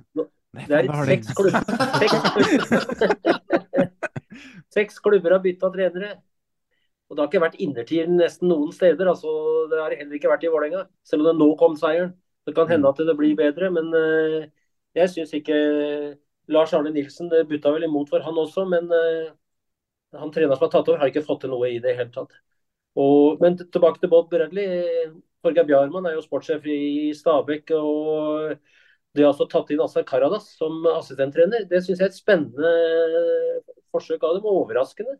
Han har har vært i systemet til Brann og jobba uh, i den sportslige avdelingen der. Jeg likte Karadas som spiller, og i den innstillingen han er en vinner. Det er Bob Bradley òg, så det kan jo hende at de får banka inn noe av dette. Men laget Stabæk har jo vært en gedigen skuffelse.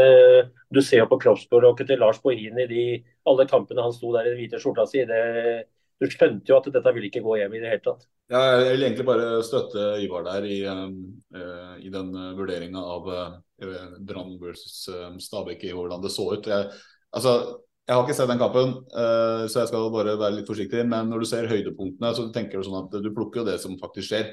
Og det er jo omtrent ikke Det er ikke Stabæk på, på, den filmen før du kommer helt på overtid. Der er det to sjanser. Eh, en, eh, en, litt heldig som går via bein og som Dyngland tar en fin redning og litt sånne ting. Men altså eh, Brann er jo nærmere 2-0 enn eh, Stabæk er 1-1 egentlig, hvis du ser på antall store sjanser. Så det støtter jeg Ivar fullt ut. Og, eh, de, de har, begynner å få dårlig tid òg, da. De må begynne å omsette til poeng, de òg, uansett. Så jeg vil bare slenge det inn der. at eh, Det er ikke bare bare å bytte trener og så tror du at det skal gå bra. For jeg syns Brann så ut som et langt bedre fotballag snakka med Brann-supporter Sean Røskeland, og han sa at uh, overhodet ingen god kamp av Brann i den kampen her. Da. Så han, han, var ikke fornøyd med eget lag. Uh, men så sa han at det er litt vanskelig å se da når du er på Nadderud og du har to innbytterbenker som er i veien for sikta. Så det er ikke sikkert han har fått med seg alt. Uh, men det er jo en styrke da, å ta tre poeng på dårlige dager. Og vi må snakke litt om den kampen om fjerdeplassen, vi. For for den vil jo fort i Europacup. Uh, unntaket er hvis Molde uh, kommer på femteplass og vinner cupen, eller Kjelsås gjør det helt store, eller Vålerenga. Um, for uh, det har jo begynt å bli en solid luke fra, fra Brann på femteplass og ned til Sarpsborg 08 og Lillestrøm på sjette- og sjuendeplass. Det skiller nå seks poeng. Mellom Brann og Molde så skiller det bare ett poeng. og det tar oss da videre til neste kampen, som er Molde mot Odd. Eh, men la oss begynne å snakke om denne duen eh, om eh, fjerdeplassen. Har du trua på at din tidligere arbeidsgiver kan ta Molde i kampen om fjerdeplass i år, eller er det for mye kvalitet i Molde-troppen? Jeg tror Molde blir nummer tre i serien i år. Ja. Jeg tror de tar igjen Tromsø. Og det, jeg fikk en uh, positiv uh, rekruttering nå ved at Fredrik Gulbrandsen kom tilbake fra Tyrkia. Og markerte seg med en gang, mer eller mindre, i det laget. Uh, Molde har jo skuffa meg i år etter at det, den fantastiske sesongen de hadde i fjor. Men jeg tror at de blir nummer tre og Tromsø nummer fire. Så Tromsø i mine øyne har en sjanse på Europa hvis Bodø-Glimt tar det double. Viking på sølv. Hva tror du, Frank? Nei, jeg mener jo fortsatt det at det fjerdeplassen står mellom Molde og Brann. Jeg tror de tre øverste lagene eh, tar medaljene. Eh, og det har jeg stått på en stund nå. Og så har jeg jo sagt det at pga. Molde siden kalle De har flere kamper, da. De skal ut i Europa og har semien i cupen og alt, så tror jeg at Brann kan ta Molde og ta fjerdeplassen. Så flere kamper i Europa kan være utslagsgivende for hvor eh, du kommer på eliteserietabellen, Frank? Er det, det kan det. det? Mm. Hvem tar gull, da? Glimt. man, man, man er jo optimist. Vi glemmer at Molde har både Glimt, Viking og Tromsø igjen mm. på hjemmebane. Mm, ja. Men uh, flere av lagene kan de, lure, kan de lure seg inn i toppkampene? Nei, det, det, altså, det, det, er så mange poeng, og det er så mange lag som da må sikte samtidig. Det, det skal litt til, da, tror jeg. Men uh, uansett Men du må jo vri, kan jo vri på det òg, da kan vri på nå. Altså Molde skal møte nettopp da Glimt, Viking og Tromsø. Det er de tre beste lagene. Altså, det er ikke mm. gitt at det er ni poeng heller. ikke sant? Uh, uavgjort er ikke godt nok hvis de skal være med, men det er godt nok for Tromsø for å holde Molde bak seg, eller godt nok for Viking for å holde Molde bak seg. Så de må vinne de tre for i det hele tatt være i nærheten og kunne passere alle sammen. Og det er ikke bare bare. Vi må snakke litt om kampen eh, Molde-Odd. For uh, på dagen ett år etter at Magnus Wolfe Eikre mista sin samboer, så hedra han sin avdøde kjæreste med mål og målgivende samt storspill, til tross for at han bare fikk 24 minutter pluss tillegg ut på matta. Ivar, det Magnus har vært igjennom det siste året, med først kreftsykdom, hvor eh, de etter hvert skjønte hvor veien gikk hen. Eh, da skal han samtidig prestere som idrettsutøver. Eh, og, og, så kommer jo dødsfallet, da. Og så er det rett ut til kamp etterpå. Eh, hvor imponert er du over eh, Eikrems mentale styrke? Jeg får tårer i øya når jeg prater om han. Jeg syns han er en fantastisk gutt. Og med det du sier og han har vært igjennom, ved siden av det, så i mine øyne, så det har jeg sagt til deg før òg, at sammen med Tribic så er han de to beste spillere i mine øyne de siste årene. Han er en fantastisk fotballspiller. og samme hvilken plass han spiller på i Molde, så dominerer han. Han er så klok. Han ligger altså to trekk foran de andre. Han slår noen pasninger noen ganger som de ikke skjønner. Og publikum skjønner det ikke før plutselig ballen dukker opp der den skal. Det er på det nivået som Selnes var på et par pasninger nå på Lerkendal. Avslutter er han. Han kan absolutt uh, alt. og Uten å gå inn på det du var inne på, så må jeg bare si at uh, hver gang jeg ser han, så, så kommer det en tåre. Altså, så glad jeg er blitt i han. og for du da også vet hva han har vært igjennom. Fantastisk mm. spill. Hva tenker du Snorre, når du ser det som eh, Eikrem leverer i eh, Eliteserien for Molde, etter alt han har vært igjennom?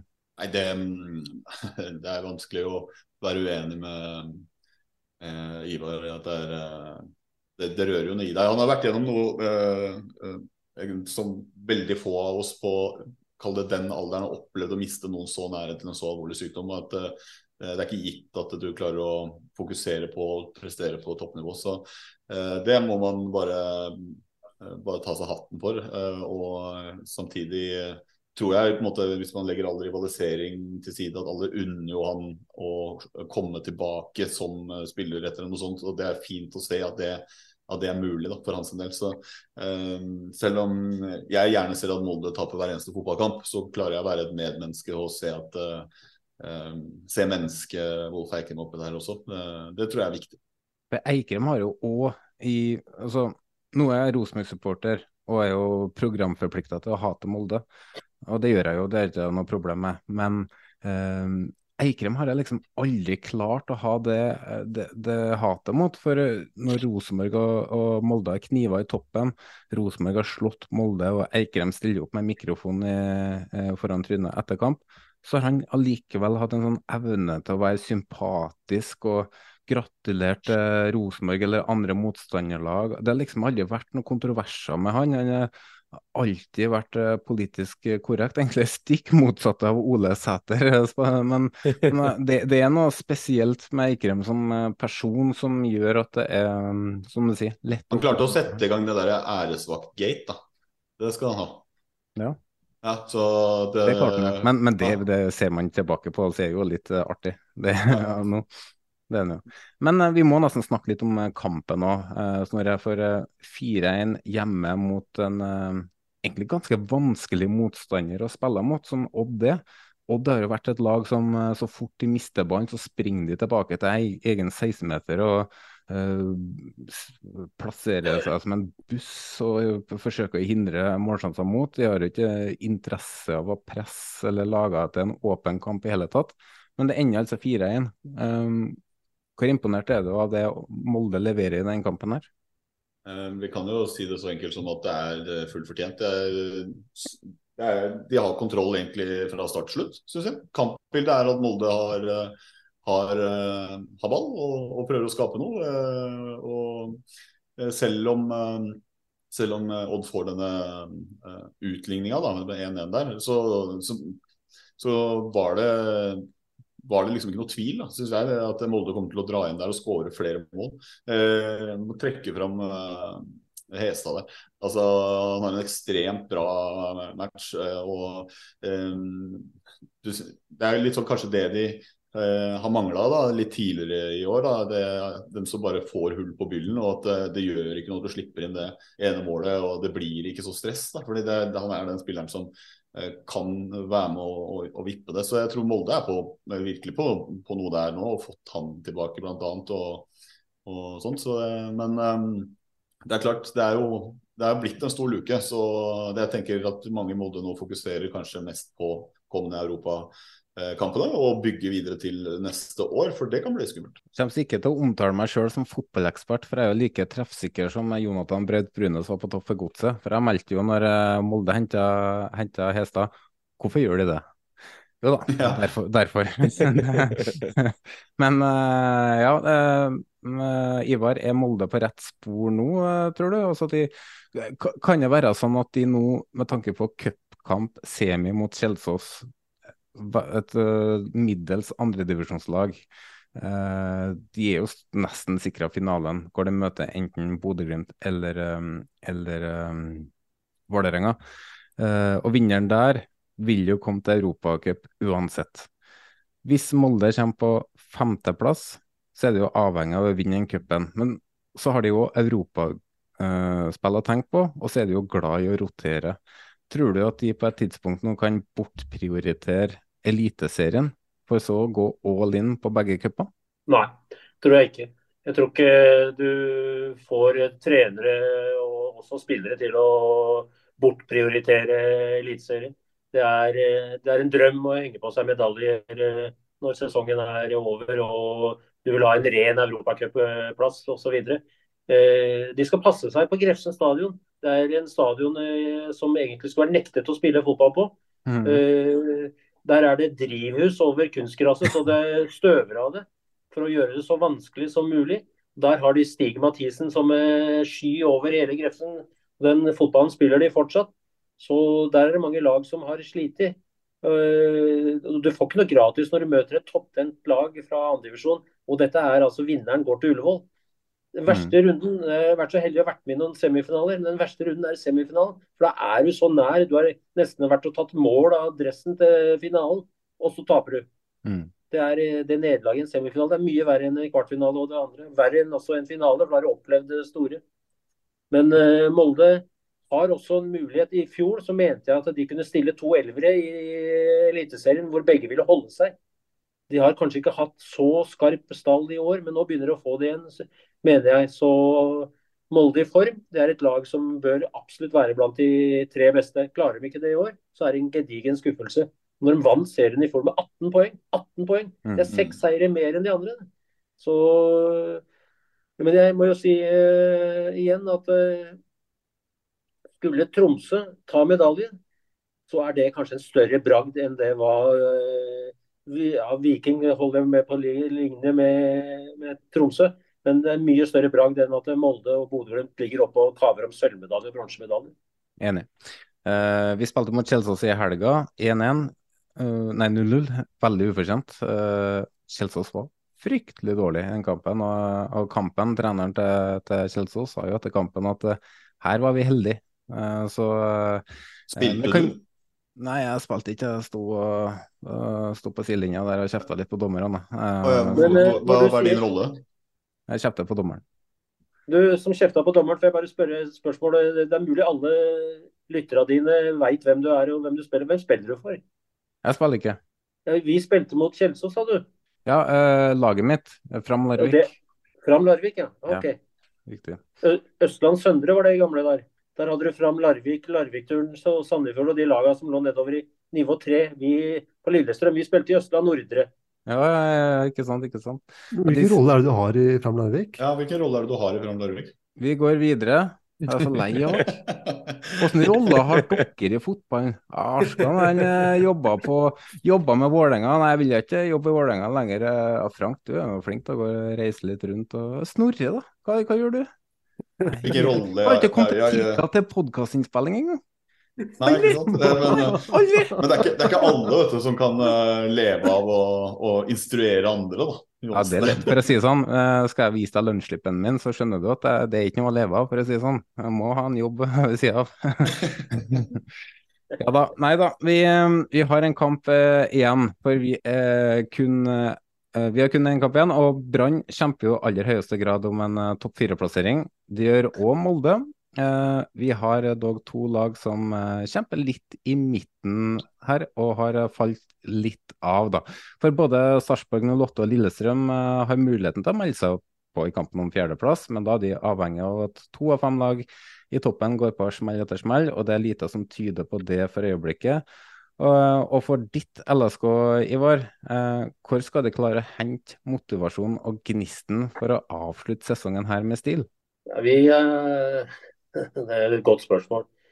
Altså, jeg mener jo at eh, hvis du ikke selv klarer å motivere deg til å spille en kamp i Eliteserien, da har du ikke noe i Eliteserien å gjøre. Så eh, Kjell Skau Andreassen sa en gang du skulle spille mot Sverige på Råsunda, så kom en av spillerne til Norge borte. Kan du motivere meg? Sånn. Så, da sa Skau til henne at taper deg heller eh, treningsoverall, så vil jeg finne en annen. Så hvis du ikke er motivert for å spille i Norges øverste divisjon, har du ikke noe der å gjøre. Så Det er ikke noe eh, problem. Eh, vi har Rosenborg hjemme til helga. Og eh, så har vi Brann hjemme. Vi har to hjemmekamper. Den, den utsatte kampen pga. E-cup. Og så har vi jo Vålerenga hjemme, da, 22.10. Der er det vel rød lanterne allerede. Så, men vi har ikke klart å bygge et fort av Åråsen som vi hadde før. Ja, for det har vært ganske svak hjemmeform, har ikke det vært det? Ikke, ikke bra nok i det hele tatt. og Det gjelder også de sesongene hvor vi har blitt nummer fire et par ganger. og Hvis vi tar det historisk, så før i tida så la jo motstandere igjen poengene utafor telleapparatene før de kom inn på Åråsen. Sånn er det ikke lenger. Og, men eh, vi mener jo da at eh, Rosenborg kommer til å merke nå at eh, vi var ikke fornøyd med tapet i Sarpsborg, selv om Sarpsborg var bedre enn oss, syns jeg. da. Mm. Men uh, sjansemulighetene var til stede for at vi kunne ha vunnet der òg. Ja, for eh, eh, på, på XG, hvis man ser på det, så hadde jo Lillestrøm høyere XG enn Sarpsborg. Ja, hadde det. Men det er, igjen er jeg inne på det der. der. Altså, det er 23 år siden vi sist var i et mesterskap med landslaget vårt. Det er 16-17 år siden Rosenborg sist var i Champions League. Enda så skriver vi i Norge om at vi har suksess i Europa. Med Bodø-Glimt eller med Molde. Har ikke det helt tatt. Vi er ikke i nærheten av Champions League. Vi har vært nærheten til å kvalifisere oss dit, men vi klarer ikke. Du må være 30 år for å huske sist Norge var i et internasjonalt mesterskap. Det var i 2000 i Nederland og Belgia. Så dårlig er vi her hjemme. Mm. Og vi kan også se på hvor langt det egentlig det er vi har igjen. Derfor så skårer ikke vi på disse sjansene som andre lag gjør.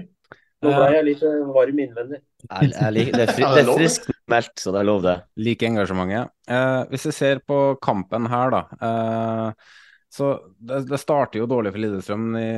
Sarpsborg skårer 1-0 etter målgivende fra Sam Rogers. Og vi Rosenborg-supportere, i hvert fall mange av oss, vi takker og bukker for at dere overtok han fra oss.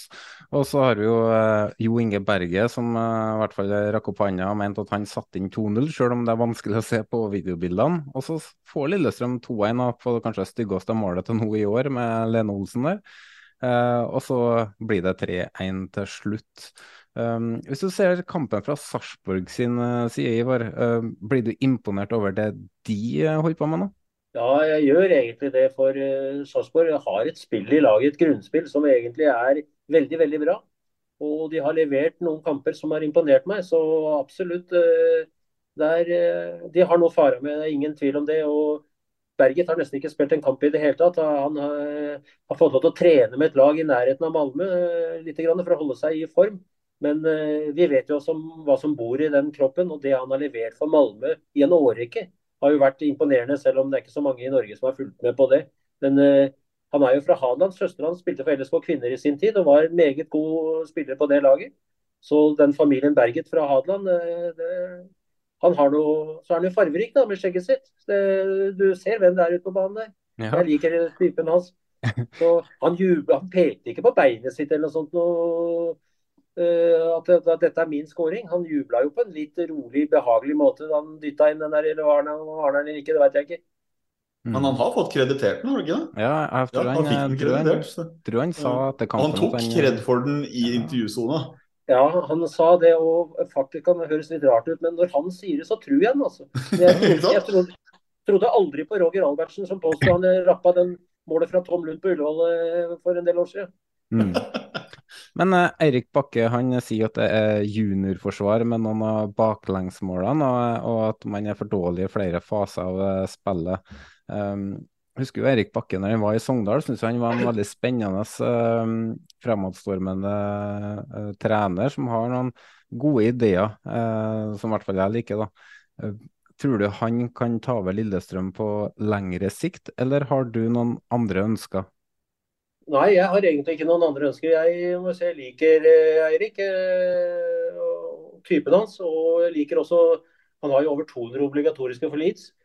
Og Han var ikke med i Leeds storhetsperiode, men han har semifinale i Champions League med Leeds. Og han sju år, tror jeg, sju sesonger i Sogndal. Nå har han jo fått med assistenttreneren sin som uh, han Bø, som kom fra Ålesund. Og, men om han fortsetter til neste år hvis han får forespørsel, det har jo med det familiære å gjøre også. Det er ikke sikkert at det passer sånn. Lillestrøm var jo også ute etter uh, Gaute Helstrup, Tromsø-treneren. Så hvis ikke eh, Bakke fortsetter, så ser jeg ikke bort fra at Lillestrøm prøver å kjøpe Helstrup fra, fra, Tromsø. Det må jo være bedre å spille med litt pigmenter i huden og litt uh, solbrennthet her nede enn å ha topplø og skjerf i juli. altså, han blir ikke så dyr heller. Utkjøpsklausul på halvannen million rapporteres det om. så eh, det blir en spennende ja, det, er jo, det er jo andre klubber som har kjøpt en spiller for litt over en million eller to. Ja. Et trener, unnskyld. Ja, det går fint an å hente en assistenttrener fra HamKam for fem millioner, f.eks. Det er et forslag. Um, um, ja, vi kan si at uh, det får være det om uh, runden. Og vi kan jo gå litt gjennom litt runders uh, pluss og minus, da. Uh, vi kan starte med deg, vi, Frank. rundens pluss. Hva har du til oss?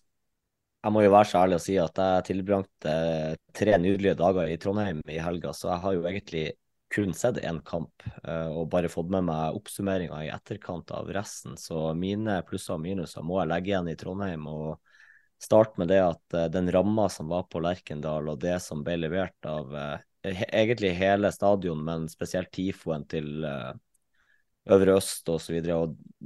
Man ser bare hvor vakker norsk fotball kan være man, når man får det på sitt beste. og Det er litt tilbake til det vi snakka om tidligere også, det, de rammene som var på Intility når Vålerenga og Lillestrøm møttes tidligere i år. Det er sånn, sånn, der som viser norsk fotball på sitt aller beste. og Det å få lov til å være en del av det der for uh, ja, det tredje år på rad vi kommer til et uh, fullstappa bortefelt, fullstappa Lerkendal, og det er bare kok i de kampene der. Så man kan, si, man kan si hva man vil om Rosenborg og Molde, altså. men vi har jo sett de siste årene her at uh, det er Rosenborg og Glimt som trekker folk til Lerkendal, i hvert fall. Ikke bare, altså, det er litt pga. Uh, bortesupporterne som evner å fylle på. Molde reiser jo opp med 14 stykker, mens dere fyller jo faktisk ut og får jo utvida bortefelt.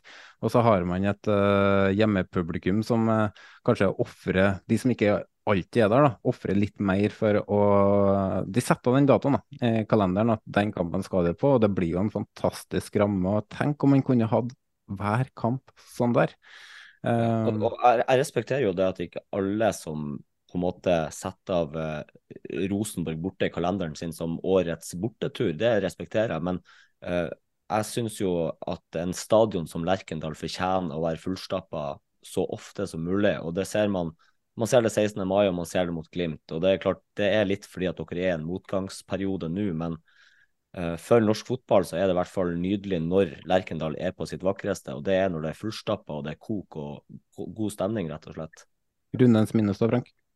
Uh, rundens minus holder jeg meg også i Trondheim, og jeg våkna i dag til en eh, podkast i Trøndelag som driver og melder hardt om en løgn om at Glimt trente under korona innendørs i Nordlandshallen. Og det er sånn, ta oss nå på alt dere kan ta oss på, hat oss for det vi er, men ikke driv på med løgn. Så Rundens Minus skåret en podkast i Trøndelag, og jeg er egentlig opptatt av å snakke opp podkaster som snakker norsk fotball. Mm. Snorre, rundens pluss? Ja, um, det er jo jeg vil, jeg vil, ta to, fordi jeg vil i hvert fall også trekke fram at um, kan du si siste tids pluss går til uh, Jakob Dikko Eng for å tørre i så ung alder å være et ansikt for uh, den hetsen han opplever. Sånn at uh, Vålerenga og supporterne faktisk har muligheten til å kunne ta et standpunkt igjen og et oppgjør med det. Så jeg vil egentlig bare si tusen takk til uh, Jakob de Poeng for å tørre det. For det er jo ikke hvem som helst som hadde, hadde turt og, og, klart å gjøre. Og ikke forventer jeg at noen på den alderen kanskje skal stå og ta det heller. Så det det. Men hvis jeg skal trekke det til eh, runden og noe som er litt mer lystig, for å trekke fram et pluss. Eh, du nevnte det vel, at målet til Lene Olsen det var vel noe av det styggeste du har sett. Eh, jeg elsker det når det er så klabb og babb, for det er det det er. Altså, det føles ut som at de fortsatt står der, og at ballen kjører god gammeldags flipperspill. Du veit ikke, går den inn, går den ut, hvor, hvem er neste på? Eh, og at den ender opp i mål. At vi får sånne skåringer er en evig påminnelse på at alle mål teller like mye. Uansett om det er Elias Hagen som dunker til fra 25, eller om det er Thomas Lenn Olsen som kriger det inn med en uh, tupp uh, etter at han har vært innom samtlige spillere på banen. føles ut som for oss som har fulgt Premier League tidligere, da, så er jo det der som vi omtalte som Bernie-skåring. Ja, mm. men, men, men, det teller like mye, og det er det, mm. som, er, det er det, som er, så nydelig med det. Uh, nå ble det ikke noe tellende resultat for det, men uh, noen ganger så kan de skåringene være akkurat like viktige som et kremmerhus, fordi det gir poeng eller uttelling i form av Eh, får meg et godt resultat. Så, eh, så, det er min pluss. Jeg kan bare ta minus eh, med en gang. Rundens minus går desidert til meg selv. Fordi i som vi var inne på, så har jeg jo en nyfødt datter hjemme. Og jeg, var veldig glad for at jeg helt tatt fikk lov til å dra på kamp i går. Jeg setter utrolig stor pris på at samboeren min orka å, å, å, ta de timene alene. Men i gledesrusen etterpå så sender jeg melding, fordi jeg har ikke opplevd å vinne ennå, og spør om jeg kan ta en seiersøl. Og da fikk jeg bare beskjed om at uh, det bestemmer du sjøl. Og akkurat da skjønte jeg at jeg skulle kanskje aldri spurt, jeg skulle bare være glad for at, for at jeg fikk lov til å dra på kamp og gått hjem. Så Charlotte, hvis du hører på, jeg strekker hånda i været. Jeg burde aldri spurt, jeg burde bare ha pilt meg igjen, for det er selvfølgelig der jeg har lyst til å være. Mm. Ivar, eh, rundens ja. pluss på deg?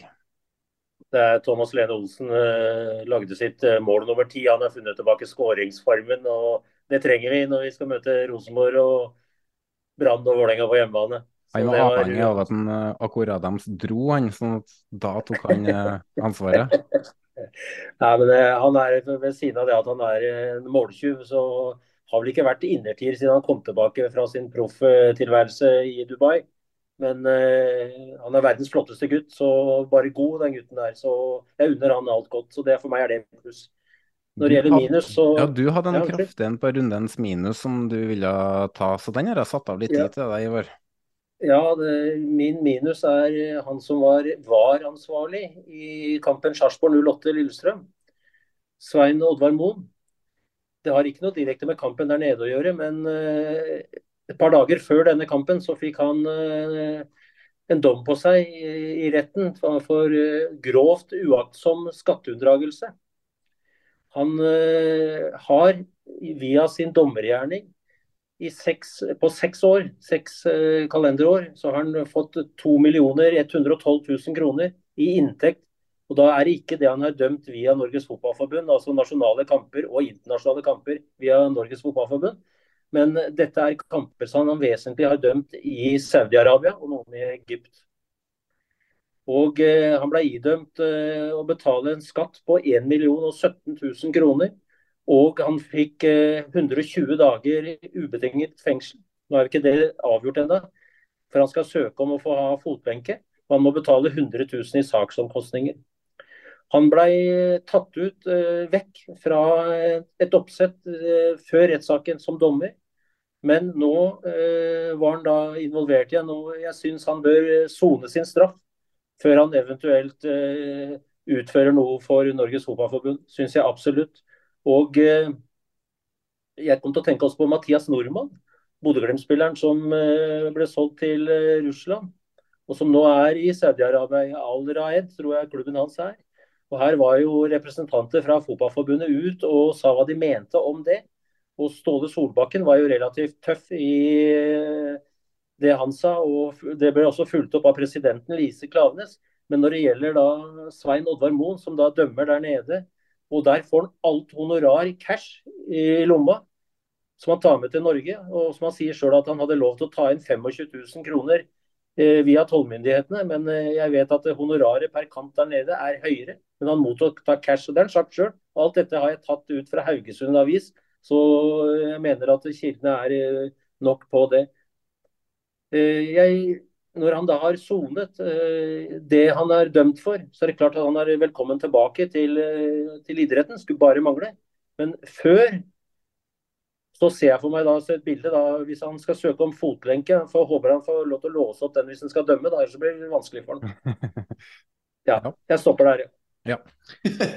Den, den, den, er fin, den. Jeg syns du har et eh, poeng òg. For uh, man kan jo stille spørsmålet hva hvis det hadde vært en spiller? Um, det Ja. Det hadde fort blitt uh, suspendert fra klubb og det som er, men, uh, men. men. Eh, Arskan, rundens pluss eller rundens minus, du kan egentlig starte rundens minus, tenker jeg. Det kan jeg. oi. Se der, ja. rundens minus går til arrangøren i Haugesund, i Haugesund Derby, det som jeg starta med tidligere i dag. Jeg, det kommer til å bli en fanesak for meg framover at skal legges til rette for at det ikke skal bli sånne scener. Eh, for Det kunne gått gærent med han som falt nedover eh, fra, fra, balkongen. Han hadde ikke vært der oppe hvis det ikke hadde vært noen bak der. og Der må arrangøren ta ansvar eh, og sørge for at vi ikke setter folk i den situasjonen der. Mm. Og så har jeg da lyst til å ta rundens pluss, men eh, ja, jeg har lyst til å ta kan... den som uh, Hvis vi kan ta oss og kjøre rundens pluss som uh, rundens Vidar uh, Roseth, så hvis jeg kan få en liten jingle? Ja, den jinglen den er så bra at den Ja, vi, vi kjører jingle. Oh, men det er klart, jeg vil si én ting. Og det, det, er helt, helt utrolig. Nei, jeg skal ikke si noe mer. Nå er jeg, kom, kom med det. så forbanna, så jeg ser rett ut. Rundens pluss og slash rundens Vidar Rosseth går til supporterne rundt om i Norge. De som går uten maske, og de som går med. Det er de dette spillet handler om. Det er de som gjør Eliteserien unik. Eh, det er ikke Terje Hauge TV 2 eller Leif Øverland, det er supporterne. De som møter opp. De som bruker fritiden sin på å lage mektige tifoer, som f.eks. den vi så på Øvre Øst. De som bruker flere titalls tusen, som f.eks. Frank, på å følge laget sitt rundt om i Norge. De som kjemper for sin sak, og møter opp, selv om klubben deres behandler dem dårlig og utestenger dem under lav sko. De som møter opp på jobb på mandager, fyllesyke herfra til evigheten, glad, sur eller bitter eh, etter helgens kamp. For dem, for oss, så er dette selve livet. Eh, og de fortjener all hyllesten det er mulig å gi. Takk for meg. Mm, det, var, det var en ny Arskan. Ja, jeg har hatt pause i to uker, si meg et par uker til nå. han har møtt noen spesielle, han opp der, det. Ja, det, det, var den, det var den soppturen med hun fra Molde, men eh, jeg liker den arsken her mye bedre. Eh. Det tror jeg gjør han fra Men uh, nå har vi ingen vi kan kaste inn i, inn i det for oss. Før så var det vi som tråkka feil. Nå, ja, det var det. Så... Jeg snubler feil etter hvert, ikke tenk på det. ok, men det er bra. Det, er bra. det her kommer Jørn, uh, Lillestrøm-supporteren, til å uh, sette stor pris på, så nå tror jeg du fikk noen stjerner i boka her. Uh, Snorre, vi har jo satt opp uh, rundens lag, kan ikke du ta det? Jo, det kan jeg godt. Det stemmer det hvis jeg sier at vi har gått for en klassisk 5-2-3-formasjon? Ja, stemmer det? Vi, vi, var en periode der vi drev bare og satte opp spillere til hulter til bulter etter hvor de spilte ennå. Ja, Det har en eller annen fasong, da, men det nærmeste kan man si at det er en 5-2-3. Eh, da. Eh, bakerst så er det Petterson eh, fra Stabæk, Røsten, Gundersen og Langås som utgjør denne forsvarstreeren bak der. På hver sin kant, så på venstre wingback, så har du Sonny Christiansen for Sarpsborg 08. Meget bra kamp av han. Eh, så har vi Sandefjord som bekler den andre vingbekken. Der må vi si at det var vanskelig å få vingbekker eller høyrebekker som skilte seg ut veldig positivt fortan, men denne gangen så går det altså til Pålerud. På midten så setter vi opp Zacharias Oppsal og Eirik Hestad sammen. Og fronttrioen dannes da av eh, Magnus Wolff Eikrem, som må være det korteste innsatsen noen har gjort for å komme på rundens lag, men så bra var han altså. Og Tripic på den andre sida der, før uh, Vålerengas nye kjæledegge Andrej Ilic uh, med sine to skåringer spilte seg inn som spiss på rundeslag. Benken uh, Gunnarsson, Toje, Risnes, Yttergård Jensen, Ottesson junior og Kitolano, for de som lurte på hvem som var de som var nærmest. Stjernene? Stjernene, eh, der har vi valgt å gi nettopp eh, Sander Kristiansen én eh, stjerne. Ilic får to for sine to headinger i kassa, men rundens spiller var Erik Hestad, og tre stjerner går altså til den hjemvendte sønnen. Mm. Det var runden, så da går vi videre.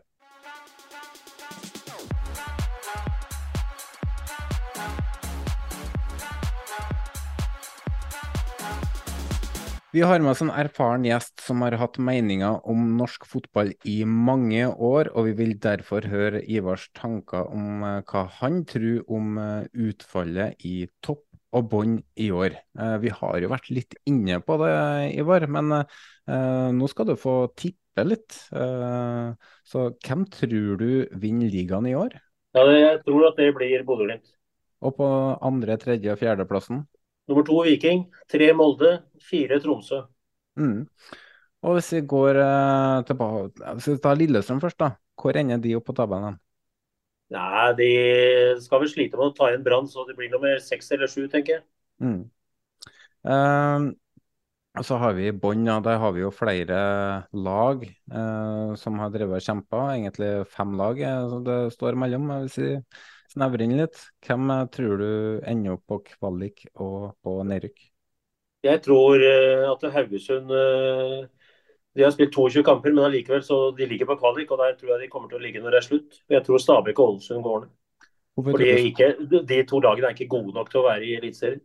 Hvorfor er Stabæk hva skal jeg si, Hvorfor anslår du Stabæk som dårligere enn Haugesund?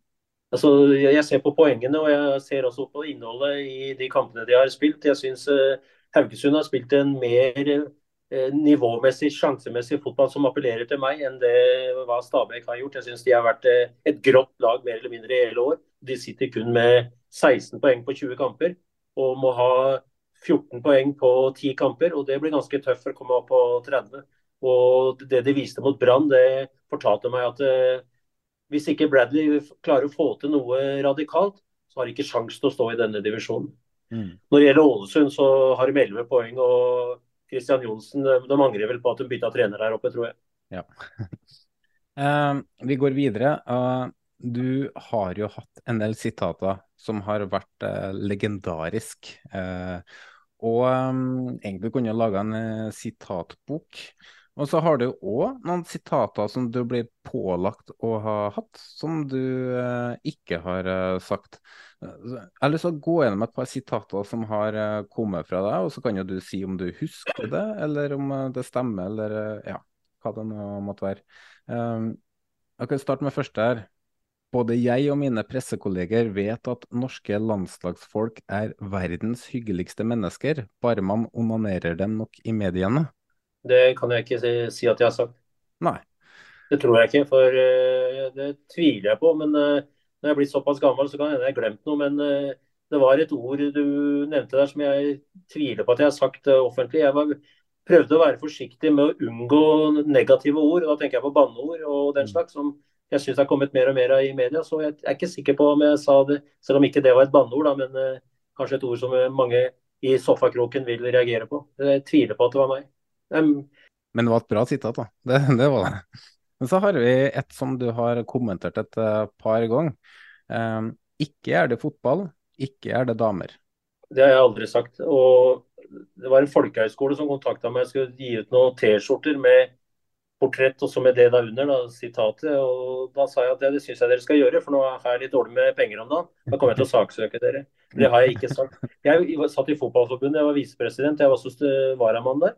Mm. Jeg var kontaktperson sammen med Ellen Wille mot eh, damelandslaget. Og da vi ble europamestere midten av 80-tallet, og så var det prøve-VM i Kina, da eh, De som da trente damelandslaget, var det jeg som var den som skrev ny kontrakt med dem. Dag Westerlund var en av dem, blant annet. Og han kan bevitne det at eh, jeg var sidekommentator på NRK Radio når vi ble verdensmestere i Stockholm. Så Da jobba jeg sammen med Unni Annestad, hun var hovedkommentator. Så damefotballen, LSK kvinner, er jo glad i det laget. De gjorde en kjempejobb i år også, etter å ha mista mange spillere. Så det spiller ingen rolle for meg hvem som spiller fotball, bare de spiller fotball. Mm. Eh, så dette her om at Kjetil Rekdal ville bli branntrener i framtida, så sa du selv om du er en fyrig elsker, så er, ikke, du ikke automatisk skikket til å være gynekolog. Jeg tror ikke jeg har sagt det om Kjetil Rekdal. Det tror jeg ikke. Jeg har nok sagt det, men ikke om han. Jeg eh, husker jeg sa om Arne Sandstø, som trente Jerv. Eh, han trente Odd den gangen med litt lite erfaring, men hadde alle svara.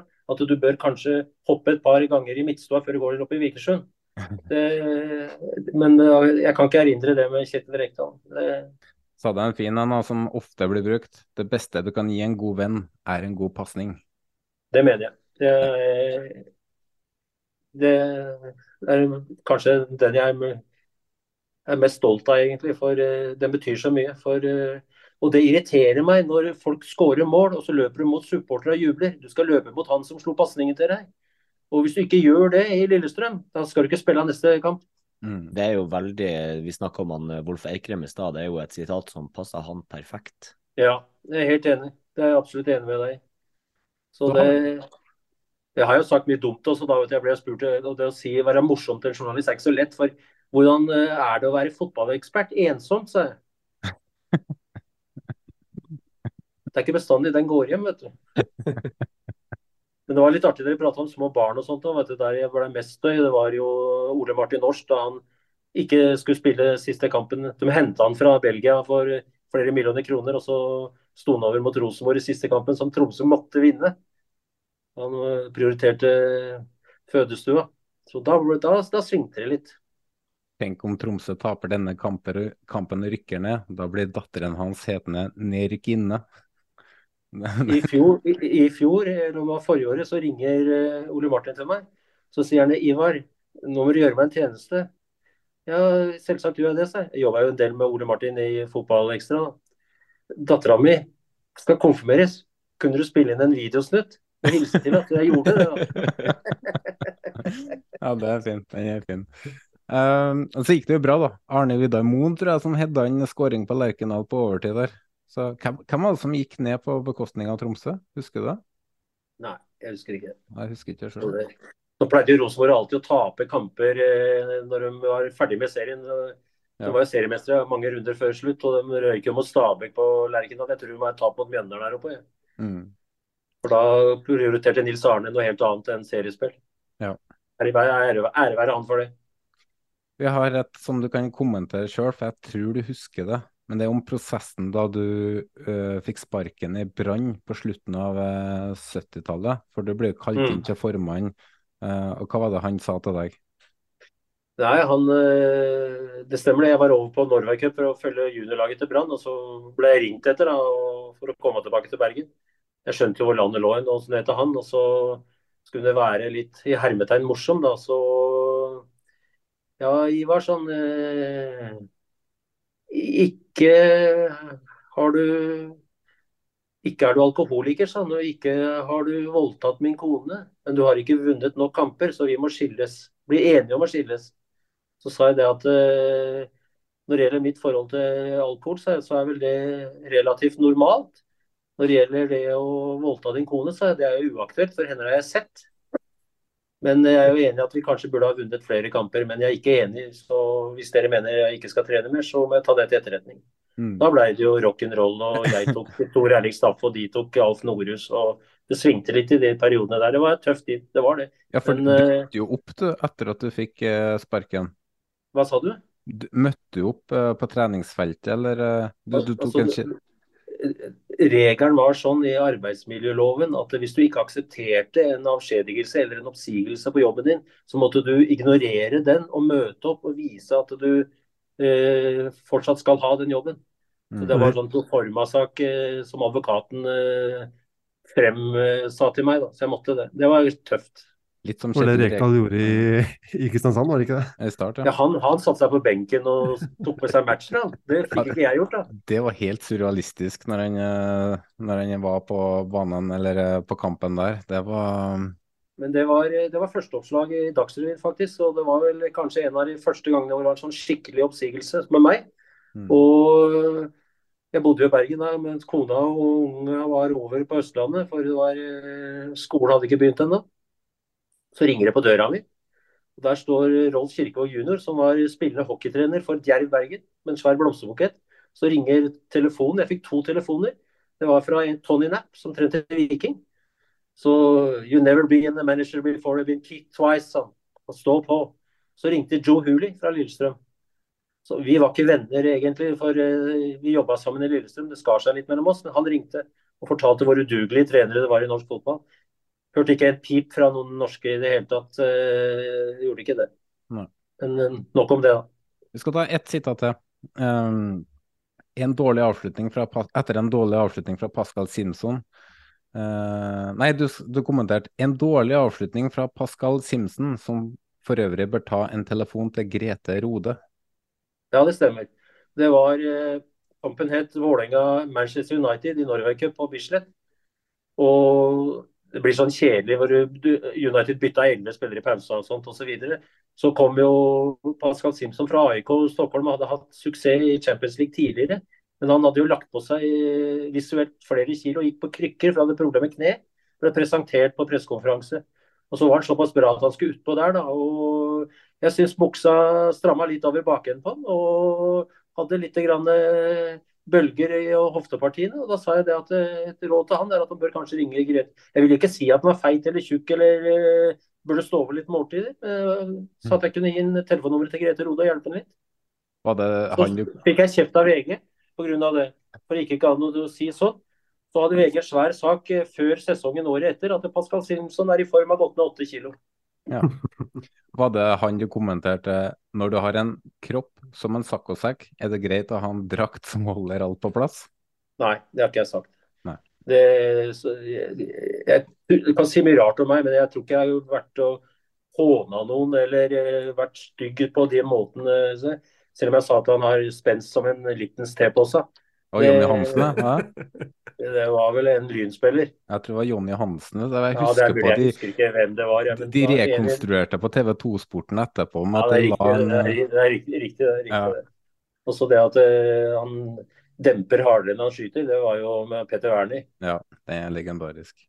Nei, det er ikke det. da faen, Du ser jo på kampen når du ikke kan skyte. Da må du prøve å lage et bilde av det. Eh, vi hopper videre vi til det siste før vi runder av. For vi har fått inn en del lyttespørsmål. Jeg tror ikke vi rekker å ta alle sammen. Men eh, vi kan ta, starte med to stykker som egentlig ikke er spørsmål. og Vi starter med Emil Alma sitt. Eh, har ingen spørsmål til Ivar, derimot har jeg litt trivia. Odd Iversen var bedre enn Tom Lund. Det var alt. Takk for meg. Har du lyst til å kommentere den, eller? Nei, men Vi skal ikke kaste bort uh, lyttertid på å kommentere den, for den er for dum. Jeg skrev det at eh, OK, nå ble det 20 minutter ekstra episode, svarte jeg. Eh, men da svarer jo Harle Mottak. Har ingen spørsmål til Ivar.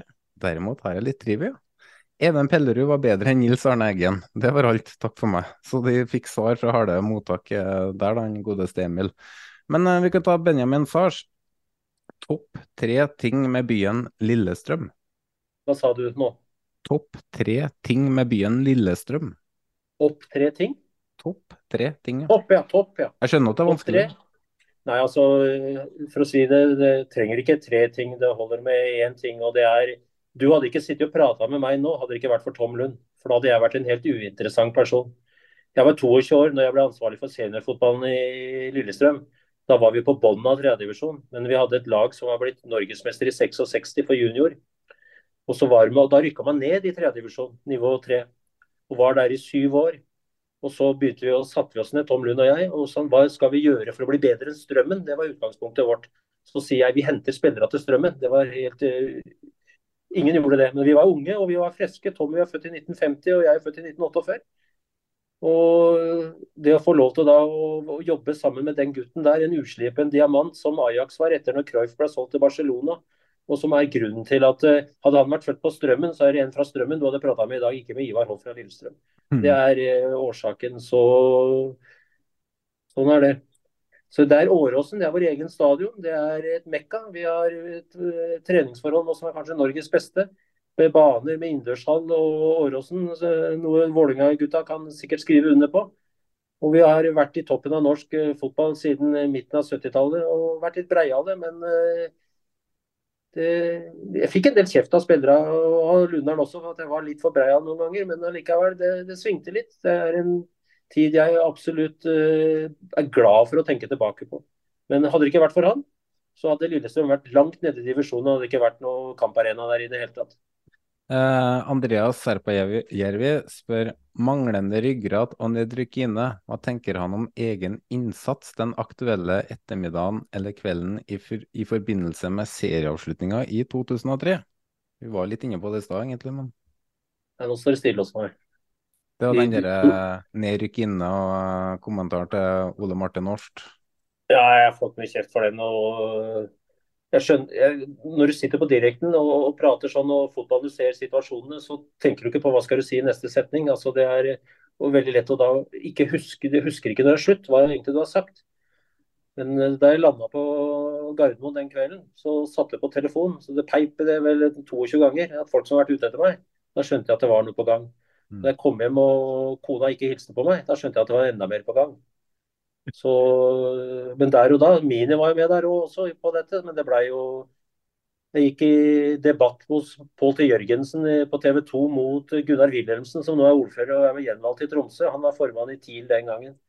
Så det svingte jo litt av dette her. og Du blir revet med, og da kan det hende at du sier noe som du kanskje ikke hadde sagt hvis du hadde fått tenkt deg litt mer om. Men der og da så syns du det var morsomt, men alle har vel noen ganger slengt ut seg noen meldinger som kanskje de ikke burde ha sagt. og Har aldri skjedd. Aldri. På, hva? Har aldri skjedd. Aldri. Nei, riktig. riktig. eh, Bjørn Rudsagen spør hvordan går det med vinkjelleren? jeg har vel kanskje Norges største vinkjeller. Jeg har det. Så det er, Jeg bor midt i Lillestrøm, skjønner du, og i første etasjen så er det 300 kvadratmeter med Vinmonopolet. det var sånn Den er fin. Nå så jeg for meg at du har ordna ordentlig uh... Nei, nei, nei. nei. Her, blir, her, her blir ikke flaskene gamle. Nei.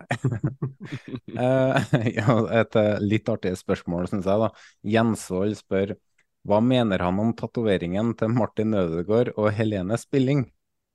Jeg vet ikke om du fikk med deg dere Nei, altså jeg han som er blitt verdens beste mellomdistanseløper og 5000-meterløper også, har, han tror jeg har tatovert seg sjøl, han friidrettsløperen. Ja. Men Martin og hun danserinna, hun er fra Gjerdrum. Jeg syns de er et fantastisk par. og Jeg syns også hun gjør en kjempejobb i Skal vi danse. og han, han er jo en fantastisk fotballspiller. altså Han debuterte som 15-åring på landslaget og er kaptein på Arsenal. Eh, og er blant verdens beste spillere. Også for en fin kar han også er på landslaget. Mm. Jeg, jeg, igjen får jeg klump i halsen når jeg ser Martin Ødegaard spille fotball. Ordentlig forbilde. Uh, men det er jo, ja. jeg tror det spørsmålet er er sikta litt mot uh, hvordan media fungerer nå om dagen. Da. Altså, du, jeg, jeg, jeg har slutta å gå inn på nettaviser og lese. Jeg bruker Twitter. for å, Hvis jeg går inn på TV2-sporten for å lese nyheter, så er det jo om hva Braut Haaland har på brødskiva si. Og... Ja, jeg kjøper, kjøper, den. Jeg er såpass gammel jeg også, at uh, om han går i pysjamas på nattklubb eller hva han gjør til frokost, det bryr jeg meg ikke om. Men uh, jeg gidder ikke å lese her, altså. Jeg er imponert over at han skårer. Ja, i hvert fall legg det under rampelys og la oss som vil lese sport, få lese sport. Ja. Andreas Veivåg spør, spør hva han tenkte når han kommenterte reprisen på Branns mål mot Haugesund, som om det var real time. Meget morsomt klipp. Ja, der dreit jeg meg ut. Og eh, problemet er vet du, at eh, vi fikk ikke lov til å vise bilder av eh, kampen. Så vi som jobba på banen, måtte sitte med en bakgrunn som var publikum eller en skau eller noe sånt. Noe. Så du satt og så ut av vinduet, og da så ikke jeg hva som var i monitoren hos meg.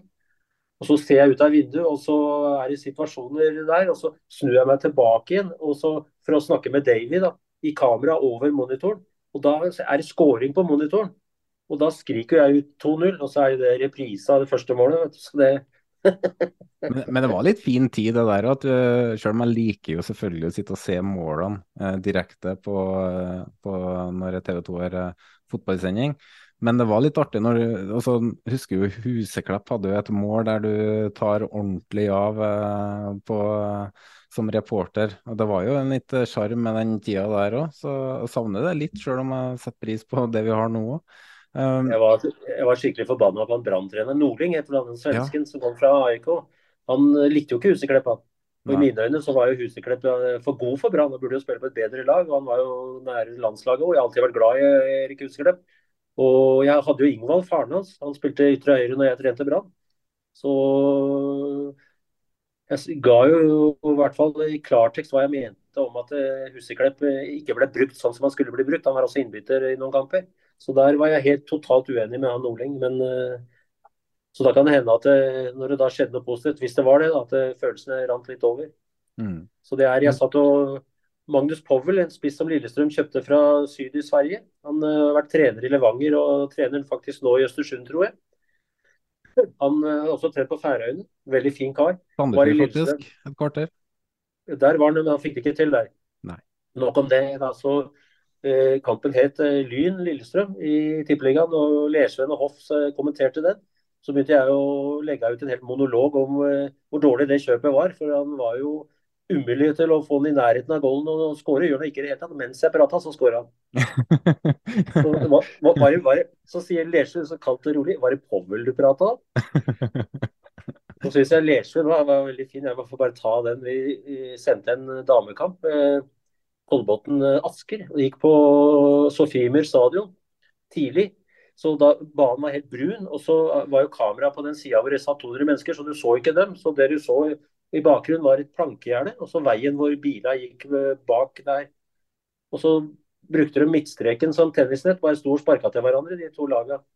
Kjedelig som pokker. Da. da sier jo ikke noe, for det er ikke noe å si. Og så helt stille, og så plutselig sier Ernst Ivar ja, svarte jeg. Jeg vedder 50 kroner på at neste bilen som kommer er en Golf. Sånn. Og, og så, Da begynte brevet å hagle inn fra sanitetsforeninger og husmorlag at det nytter ikke, det går ikke an. altså. Jeg syns det var en kjempemelding fra Ernst. Mm. For da trengte du ikke å kommentere hva vi mente om kampen. Ja. Eh, Glenn... Rask, rask kommentar inn på det med Fotballekstra. Det var jo vanvittig mye bedre. Jeg tror derfor altså, det er mye kritikk nå mot Fotballekstra som kom med den nye versjonen. For Før i tiden så gikk det jo bra og at vi ikke hadde kampbilder. Det var null stress, der, fordi den diskusjonen og samtalen rundt bordet var bra. Du fikk inn fra stadionet. Eh, og det var, var ikke, de var, Dere var ikke opptatt av å lage overskrifter. Dere var opptatt av å rapportere fra kampen mm. og fortelle fra deres øyne hva er det som egentlig skjer på stadion. Nå om dagen er man kanskje mer opptatt av å bygge seg opp sjøl som profiler i TV 2. da. Ikke alle sammen, selvfølgelig, mens før så satt jo dere og rapporterte om fotball som ble spilt. Om mm. spillerne, profilbygging der, ikke dere i TV 2. Jeg var Jeg begynte i NRK radio under VM i USA i 94. Nils Arne og jeg var eksperter på hjemmebane. Der så var jeg i radio noen år, og så begynte jeg 13.3 i 98 i TV 2 og var der vel til i 3-24 sesonger. Men da jeg eh, rusla ut derfra Jeg hadde kun avtale første året. De siste 21 åra hadde jeg ikke avtale i det hele tatt. Jeg sa det at eh, hvis dere ringer, så kommer jeg, og ringer dere ikke, så kommer jeg ikke. Eh, men da jeg gikk ut der for meg sjøl siste gangen, så bare sa jeg til meg sjøl at jeg har opplevd så mye og jobba med så mange personer. Bengt Eriksen er vel kanskje noe av det beste jeg har jobba med. Sønnen til Leif Eriksen, legenden i Vålerenga blant annet. Men jeg har bestemt meg for at jeg skal ikke kommentere noen som jobber der nå, og heller ikke måten man jobber på. Det, det får eventuelt andre gjøre. Jeg føler ikke for det. Det er ikke riktig av meg å gjøre heller. Så sånn er det. Da skal ikke jeg ta spørsmålet fra Eivind, som spurte om hva dine tanker om uh, Fotballekstra er nå. Men han spør også hva det sykeste kampen du har rapportert ifra? Det var faktisk eh, Ja, det var jo Rosenborg i, på radioen i Milano. Da de ja. slo Milan. Det var jo helt rått. Og det, noe som egentlig kosa meg en gang, det var eh, europacupkamp helt mellom Tromsø og Chelsea. Kom vi til Tromsø, Hva? Snøkampen. Ja. Det snødde som pokker der oppe, så drosja som kjørte Arve Fuglum og Ivar Hoff til stadion, måtte ha kjetting. Og alle i Tromsø og ledere gikk og kosa seg, og det var ikke måte på, for nå ble det forhold som gjorde at nå kunne de ta rotta på Chelsea. Utpå der så kom Chelsea-laget med en teknikk, lekte med Tromsø. Tromsø lå på ryggen og baken og sklei fram og tilbake. Chelsea kosa seg. Da kosa jeg meg òg. For det er sånn det er, altså, Spill i unnarennet på en hoppbakke, så er det sjanse til å slå dem. Sånn er vi i Norge. Og her var det greit. Du så ikke streka, måtte stoppe kampen tre ganger og måka streka. Mm. Og det syns vi nordmenn var fine, Flink.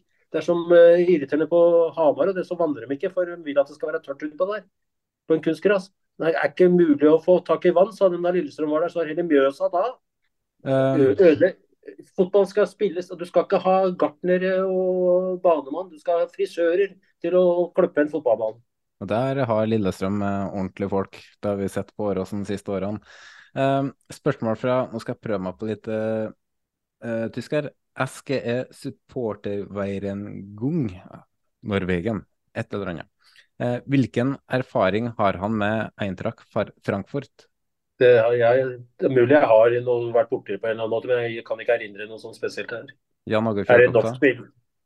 Han var, spilte der. Nå fulgte ikke jeg så mye. Jeg var og besøkte ham i Østerrike når han var proff der. Vi solgte ham til Østerrike. Eh, da han gikk fra Lillestrøm, eh, han gikk vel i 89, vel, da vi ble seriemestere. Og eh, jeg forhandla med Han kom fra Gursken opprinnelig, Jan Åge. Mm. Og til Hødd og til HamKam. Så bulka han bilen sin ifølge Tom Jacobsen første uka. For på Hamar kom det jo biler fra høyre, det hadde jo aldri han opplevd. Og så Gursken hadde rettigheter på han, så du kom til Lillestrøm og forhandla. Så sa de hva de skulle ha for Jan Åge. Og da sa jeg at dere må ha misforstått. Jeg skal ikke kjøpe øya Gursken, jeg skal ha en spiller. De forlangte ganske mye, men vi ble enige til slutt, da. Så det Han gjorde en brukbar jobb, han, vi solgte ham videre til proff og Jan Åge. Jeg syns han er flink. Jan Åge han jobber i en annen kanal enn det jeg gjorde. Jeg syns han er dyktig når han står med mikrofon ute på matta. Mm. Det syns jeg absolutt. Vi har to spørsmål til. Ta rett fra Stein først. Fortell litt om turen til Åråsen med Pelé. Edson Arantes Don Ascumento. Frode Kyvåg ringte meg. eh, Pelé var ambassadør eh, for American Express og var sendt over da til Norway Cup. Og så hadde ikke Frode program til den hele tida. Vi skulle spille mot Sogndal. Så spurte han om vi kunne ta og være vertskap for den der. Og altså Pelé for meg, ikke sant. eh, Det var 17 år i VM-finalen vel i 58. Da kom han, da og inn i klubbhuset. Og dattera mi, yngste, var jo den som ble mest populær nesten på året også. For hun fløy fram og tilbake som en strikkball og leverte autografer som han skrev. Og så Da var ikke banen sånn som han er i dag, da, tribunemessig. Men eh, vi satt på tribunen der i dressa vår og slips, og han satt og så på dette og titta på Rolex-klokka si, som eh, datoen var et døgn feil på, så jeg. Men det var tidssoner. Og så skulle han reise da, kvarter før slutt da, for å slippe at de folka som var der skulle være i veien. Så spurte jeg da Mr. Pelé hva syns du om kampen. Sogndal vant 1-0 forresten. Enhver kamp har eh, sin sjarm, sa han. Mm. Da er du diplomat. vet du. Det er jo fint. Fantastisk spiller. Fantastisk spiller. Uh, Frank, skal vi kåre det til beste spørsmål, eller? Ja, den er fin, den.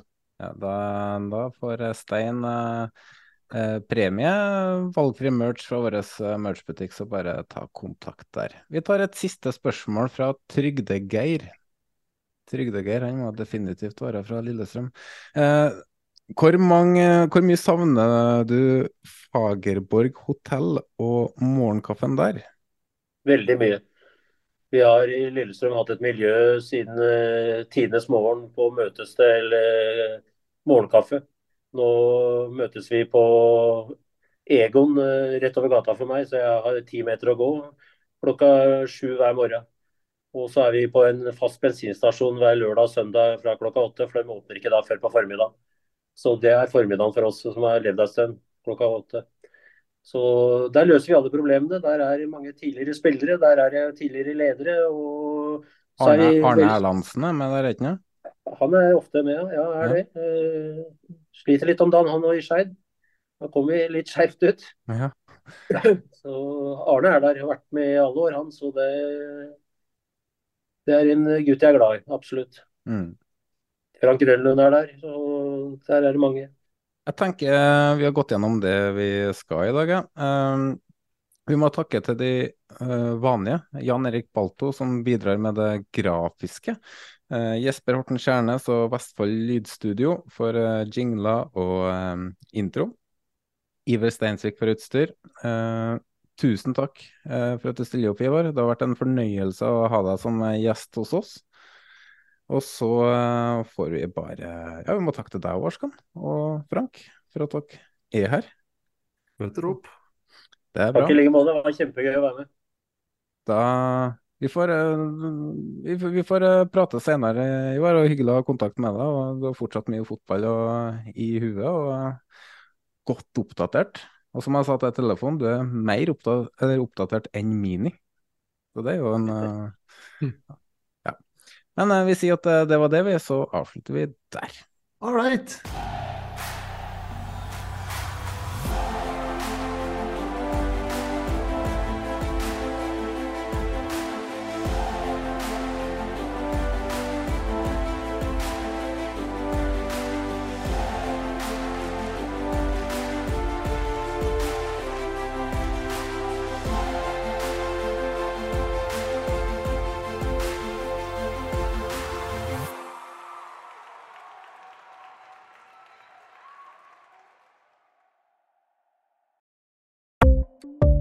Ukens annonsør er HelloFresh. HelloFresh er verdens ledende matkasseleverandør og kan være redningen i en travel hverdag. Mange av oss har nok vandret i butikken både sultne og uten en plan for middagen, som ender med at vi går for de samme kjedelige rettene gang på gang. Middag burde være dagens høydepunkt. Som HelloFresh kan du nå velge mellom 25 ulike retter hver eneste uke, eller få HelloFresh til å sette sammen menyen for deg. Dette gir deg muligheten til å prøve nye og spennende retter alene eller sammen med familien. Du velger antall porsjoner og får alt levert på døren på et tidspunkt som passer for deg. Oppskriftene er enkle, og maten er lett å lage både for store og for små. Ved å få alt levert hjem får du også mer tid til å dele matgleden med familie og venner. Kanskje det frister med asiatiske tacos eller greskinspirert kylling? Da kan jeg anbefale deg om å gå inn på hellofresh.no. Her kan du bruke koden FOTBALL og få opptil 1779 kroner i rabatt på de første fem matkastene hvis du ikke har prøvd Hello Fresh tidligere. Du kan også bruke rabatten hvis du har vært kunde og stoppet abonnementet ditt for tolv måneder siden eller lengre. Gå inn på hellofresh.no og bruk koden FOTBALL. Ukens annonsør er Folio, en smartere banktjeneste for deg som har en egen bedrift eller ønsker å starte for deg selv. Folio er en superenkel nettbank for bedrifter. Som kunde i Folio får du en bedriftskonto med et bedriftskort og app. I denne appen er det smarte løsninger som forenkler regnskapet ditt, uansett om du har en liten bedrift eller et enkeltpersonsforetak. Folio er både intuitivt og brukervennlig, og er laget med et enkelt språk. I tillegg tilbyr de forutsigbare priser og ingen skjulte gebyrer. Skulle du likevel trenge det, så kan du snakke med deres raske og hyggelige kundeservice, og der får du prate med en faktisk person og ikke en chatbot. Folio er med andre ord både enklere og koseligere enn banken. Over 10 000 bedrifter har allerede valgt Folio som sin banktjeneste, så besøk folio.no og se hvordan Folio kan forenkle din hverdag også. Har du et enkeltpersonforetak eller en liten bedrift? Da er du sikkert lei av å høre meg snakke om hvor enkelt det er med kvitteringer og bilag i fiken, så vi eh, gir oss her, vi. Fordi vi liker enkelt. Fiken superenkelt regnskap.